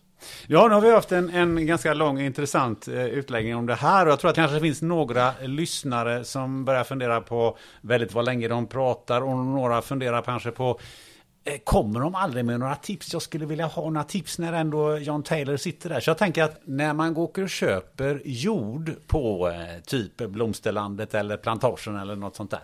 Vad är det man får egentligen? Um, du får eh, vitmossa och du får 20% julgran. Om jag ska, nej, jag bara skojar. Blomsterlandet har jättebra jord. Men det finns en jord i Malmö som kommunen tillverkar eh, i eh, um, återvinningsdepå. Och det står 80% eh, och det ger det, det, det botaniska namnet Svagnum album och då vet jag att det är vitmossa. Och 20% ABI's nordmaniana och det är julgran. Så alla julgranarna blir uppflisade och blandade ihop med torv. Men köpt jord består av rätt mycket kommunal kompost och det består av mycket torv. Och torv är en förnybar resurs. En bra torvskick uppe i Småland, de kan förnya den torven i 3-4 år. Och det finns ju jättemånga som säger i England, att torv är jättedålig. Jo, om du tar det från England det är jättedålig. Men från Sverige och Ryssland och Finland är en mycket, mycket bra resurs och fantastiskt för växterna. Eh, det kan finnas naturgödsel i det, det är väl koskit eller höstskit. Komposterade rester överlag, det är det som finns i i köpt jord. Det kan finnas inslag av bark ibland och sågspån säger det kan finnas sand. Man måste komma ihåg det här är big business. Eh, så man ska definitivt fråga en trädgårdskunnig, vilken jord köper du? Och de flesta av oss som jobbar i branschen, vi köper, om vi ska göra ett litet projekt, vi köper två säckar av planteringsjord, som är oftast mycket um, mossa, torv, förlåt mig. Och vi köper två säckar naturgödsel. Och just Blomsterlandet faktiskt, de har en jätte, jättebra säck av uh, av naturgödsel. Eh, För man märker att det är olika priser på dem också. Ja, men det hur, många, hur många märken av tandborstar finns det? Jo, men är det skillnad på jord om jag köper jord för, för, för 100 spänn säcken eller om jag köper den för 39 spänn säcken? Ja, men den 39 säcken kan vara bättre. Det beror på rätt många olika faktorer. Så det är inte alltid den dyraste som är bäst. Det är någonting, jag kan inte gå ut och sponsra den ena och den andra, men jag vet vilken en bra jord är och vilken är dålig. Eh, och oftast om, om det består av jättemycket finfördelade torvbitar, då är det obra. Den ska vara ganska grov. Och sen det ska inte vara för torvigt. Det ska inte vara för mycket bitar av träbak eller träflis i det. Det ska inte vara för mycket sand i. Och det är därför att vi köper kogödsel. De är säckar med kogödsel är guld värt. För att där finns mycket, mycket mer krut i dem. Mm. Du, eh, det som kan vara ovanpå jorden är till exempel gräsmatta. Mm. Hur får man en bra gräsmatta? Um, jag som jag. ja, okej. Okay. Hur gör du? Jag bara ska. Um, gräsmattan, uh, gräs vill ha mycket sol. Eh, gräsen vill bli klippt. Eh, dock samtidigt, jag vill bara påpeka att jag släpper upp vissa delar av min gräsmatta för bin och humlor. Och jag tycker om vitklöver. Och då kan man ställa frågan, vad är en bra gräsmatta? Eh, ska det vara bra för ögat? Eller ska det vara bra för våra nakna fötter? Eller ska det vara bra för humlorna? Och kan man kombinera allt det här? Så det första jag hade sagt är sänk dina förväntningar över vad en bra gräsmatta är. För att det som är bra för våra ögon är inte bra för bina. Ehm, um, så, så det, det, man måste läsa till. Um, jag har en handgräs, eh, uh, en, en sån handjägare. Jag har ingen bensindriven, jag har bara lite gräs. Jag dressar den under våren. Och när jag säger dressa det innebär att jag tar sållad kompost och sand och ny gräsfrö. Och jag sår ut detta i augusti och september. Uh, först jag klippt ner gräset jättehårt. Eh, uh, gör det gärna din gräsmatta med hönsgödsel till exempel. Och gör det den gärna under, när det är snö på backen. Ja, så tidigt? Ja, ja, för att du ser var den landar. Och du ser hur mycket den landar. Mm. Och snön kan plocka ner och hjälpa den att gå in i jorden också. Den lakas inte ur i en månad. Det tar mycket, mycket mer tid. Men så gärna under, kasta gärna ut gödsel under februari, mars, april går också bra. Gärna innan det regnar en vecka. Mm. Och sen klipp den, klipp. Man behöver inte vattna den egentligen, det är lite gluttigt att vattna. Samtidigt, när jag vattnar mina grönsaker, jag säger gärna att gräset går över till gräsmattan också. För att jag vill att den är grön och fin. Men om det finns vattenförbud, då vattnar jag inte, det är oförskämt och till och med illegalt tror jag. Eh, sen har vi ju de här skadedjuren. Sniglar. Ja, men Mördarsniglar. Ja, men som det... äter mina växter. Vad ska jag göra med dem? Hur ska jag ta bort dem? Hur ska jag få bort dem? Förebygga genom att inte ha för mycket plast, trä och metall. Och undersök, för att det är där de bor. De bor inte i komposten. De bor oftast nere vid sidan vid träkanter, metallkanter. De bor alltid under plastkrokar. 100% under varje kroka Eller i växten själv finns det mördarsnigel. De älskar svart plast. Jag är inte sådär jätteglad för enormt mycket kemikalier. Men lite järnsulfat använder jag ibland. Men annars jag försöker förebygga genom att inte ha dem i trädgården. Och sen förstås man kan bara döda dem när man ser dem. Eh, man kan trampa dem, eh, med, man ska helst inte göra det barfotad. Det är jobbigt när de kommer upp mellan tårna. Lite halväckligt va? Det är väldigt äckligt. Ja. Det gör jag inte såklart. Ja. Fågel, det bästa fällor för mördarsniglar är en ölfälla. Så man lämnar, tar en liten kejsarburk, hela öl, lägg ut det i trädgården, gräv ner det lite grann, kom ut på morgonen och töm den direkt, lämna inte det med några dagar för att det blir fullt av sniglar. De älskar öl alltså? De älskar öl. Det var ett bra tips. De älskar öl. Men förebyggande är det bästa. Förebyggande är det bästa. Men bor du bredvid en liten bäck eller en granne som bryr sig inte om sin trädgård, då är det short ja.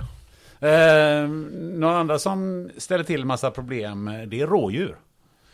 Ja, och så, de kommer till mig ibland i Malmö och säger Jan, hur gör ett rådjur? Och jag säger, du, jag bor i centrala Malmö. Jag har inga rådjur. Människor är ett problem i mina trädgårdar, inte rådjur. Men jag har förstås hört den frågan hundratals gånger. Man måste, hålla, man måste bygga smårum med högstaket som håller ut rådjur. Så man ska nog försöka ha delar ganska tätt in till huset som man har högre staket för att hålla ut dem. För att man kan inte hålla ut ett rådjur, det vet man stackarna upp i Småland som inte får se några tulpaner på grund av rådjuren. Ja, det är samma hemma hos, hos mig. Ja, olyckligt. Flytta till Skåne. det är det bästa tipset då. Du, har, har, du något eget sånt där som du tycker så här att eh, det här eh, det här tipset skulle jag vilja eh, ge, eller det här är någonting som jag gärna vill dela med mig. Kanske ha med våren att göra eller någonting sånt där som du känner att det här gillar jag att säga. Jag har en liten eh, poster med 10 topptips som folk upplåter när de säger det. Men vissa av dem är så här. Um, kompostera. Uh, man behöver inte köra många rester till tippen. Uh, så försök att hålla så mycket energi i trädgården som möjligt genom att hacka upp det och kompostera. Blanda med stallgödsel. Låt den förmultna. Vända den. Oftast inom ett eller ett år eller 18 månader har man en bra jord. Uh, en annan sak är att så lite vitklöver i gräsmattan till många människors förtret som älskar det här fina, perfekta gräsmattan. För att vi behöver mer insekter och vitklöver är en fantastiskt bra växt för honungsbin och humlor och vildbin och solitärbin. Så hjälp gärna insekter för att fåglarna äter upp insekter. Fåglarna behöver också mat. Um, och det bästa tips jag har utan tvekan, ta inte bort ett litet träd som du tänker såga ner. Små träd och buskar de kan stödja enormt mycket liv i form av insekter och fåglar. Så ett litet äppelträd som är kanske 3-4 meter hög, låt den vara. Det är enormt många insekter och olika organismer och växter. Eh, spindlar och baggar som bor i det trädet. Så ta inte bort för mycket växter. En grej som jag kom på, det är att det känns som att du vid några tillfällen har sagt att man inte ska gräva för mycket. Det finns en, en liten trend just nu för no-dig trädgård och, och den är bra. No-dig gardening är jättebra och det innebär att du inte behöver gräva så mycket. Men jag kan lova att någon har grävt upp den trädgården innan för att underlätta att du slipper gräva så mycket. Så varje gång man gräver upp en bit jord, man fördärvar jordstrukturen och man dödar några maskar. Samtidigt man kanske frigör lite mat för fåglar och andra insekter. Eh, man utsätter vissa skadedjur för fåglar till exempel genom att gräva upp dem. Man kan skapa en bra såbädd eller planteringsbädd. Men vi ska vara försiktiga och gräva upp i onödan, definitivt. De här tipsen tycker jag var en fantastiskt bra eh, avrundning på det här eh, väldigt långa eh, samtalet som vi har haft. Eh, hur, hur, känner du? Hur tycker du att det har varit? Uh, jätteroligt. Du har ju ställt frågor som uh, jag har släppt lite och berättat kanske varit lite mer, inte politisk men det kan vara lite mer filosofisk. Och det, och det är kul att få frågor om uh, till exempel litteratur som folk inte vet man har ett intresse för. Uh, det är väldigt sällan att man får prata Beckett med någon i trädgårdsvärlden. Fast trädgårdsmänniskor läser också böcker. Men eh, de vanliga tidningarna tror att man är ute och gräver. Och det är ju en sak med mitt jobb att folk tror att jag är ute och gräver hela tiden. Nej, jag sitter i skuggan och läser en bok. Oftast med en kall öl. Uh, med en kall öl. Och du, någon gång kanske lyssna på en podd också. Och uh, vem skulle du tycka att jag borde intervjua i den här podden? Jag har tänkt lite grann. Och det finns ju en människa som heter Helena Ullemark. Eh, som jag följer på en social media. Jag har träffat henne. Hon är enormt intresserad i äpple, i kor, i får, i lantbruk, i ekologi, um, arkeologi Och hon bor på Gotland, tror jag nu. Och hon har haft ett jätte, jätteintressant liv och hon är fullt av information om alla möjliga, möjliga intressanta saker. Ja, det låter ju väldigt spännande. Och så har vi Malin Persson också. Malin är superduper intressant såklart. Ja, ja det är klart. Um, du, uh, slutligen om man liksom vill komma i kontakt med dig eller följa dig eller sådär, vad, vad gör man det bäst? Uh, om det är för trädgård, det har jag uteslutande på Instagram och då heter jag Jotay, det vill säga första tre bokstäverna i mitt namn, J-O-H-T-A-Y. Och om man är intresserad i allsvenskan och fotboll, som är tveksamt i det här fallet, då är det med absurda sidan av mig på Twitter. Då heter jag Jotay64 tror jag. Mm. Och sen Facebook, eh, det är privat. Det är bara för familj och nära vänner. Mm. Ja men eh, Twitterkontot eh, det har jag missat så det ska jag ta och Nej den är patetisk. Det är en patetisk absurd människa. Gå inte dit, gå inte dit. Men det är intressanta med Twitter att jag kan gömma mig och där kan jag följa många, många intressanta, smarta människor. Jag kan följa arkeologi och litteratur och Svenska Dagbladet har rätt mycket bra kultur och DN också på, tycker jag på på Twitter. Sen om man är intresserad i sidor, eh, vårt sidoföretag heter Dryg Sidor och då har vi ett konto på Insta också. Ja. Och sidor är eh, the next big thing.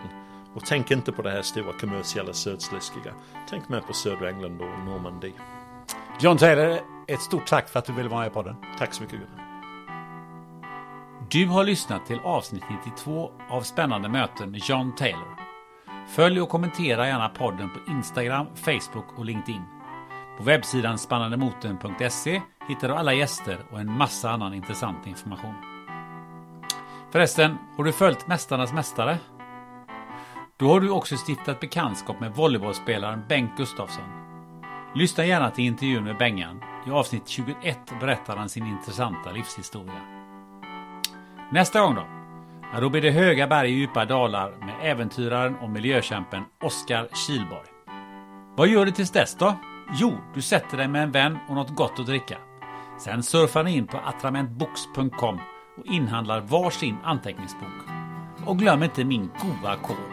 Gunnar15. Ha det gött!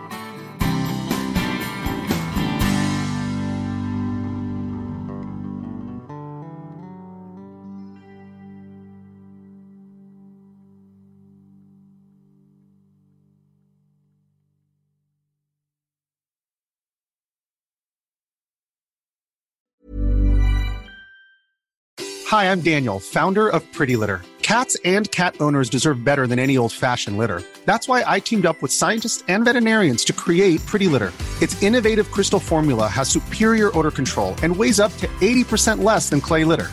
Pretty Litter even monitors health by changing colors to help detect early signs of potential illness. It's the world's smartest kitty litter.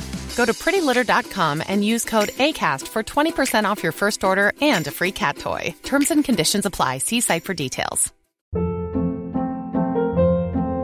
Hold up. What was that? Boring. No flavor. That was as bad as those leftovers you ate all week. Kiki Palmer here, and it's time to say hello to something fresh and guilt-free. Hello Fresh. Jazz up dinner with pecan-crusted chicken or garlic butter shrimp scampi. Now that's music to my mouth. Hello Fresh. Let's get this dinner party started. Discover all the delicious possibilities at hellofresh.com.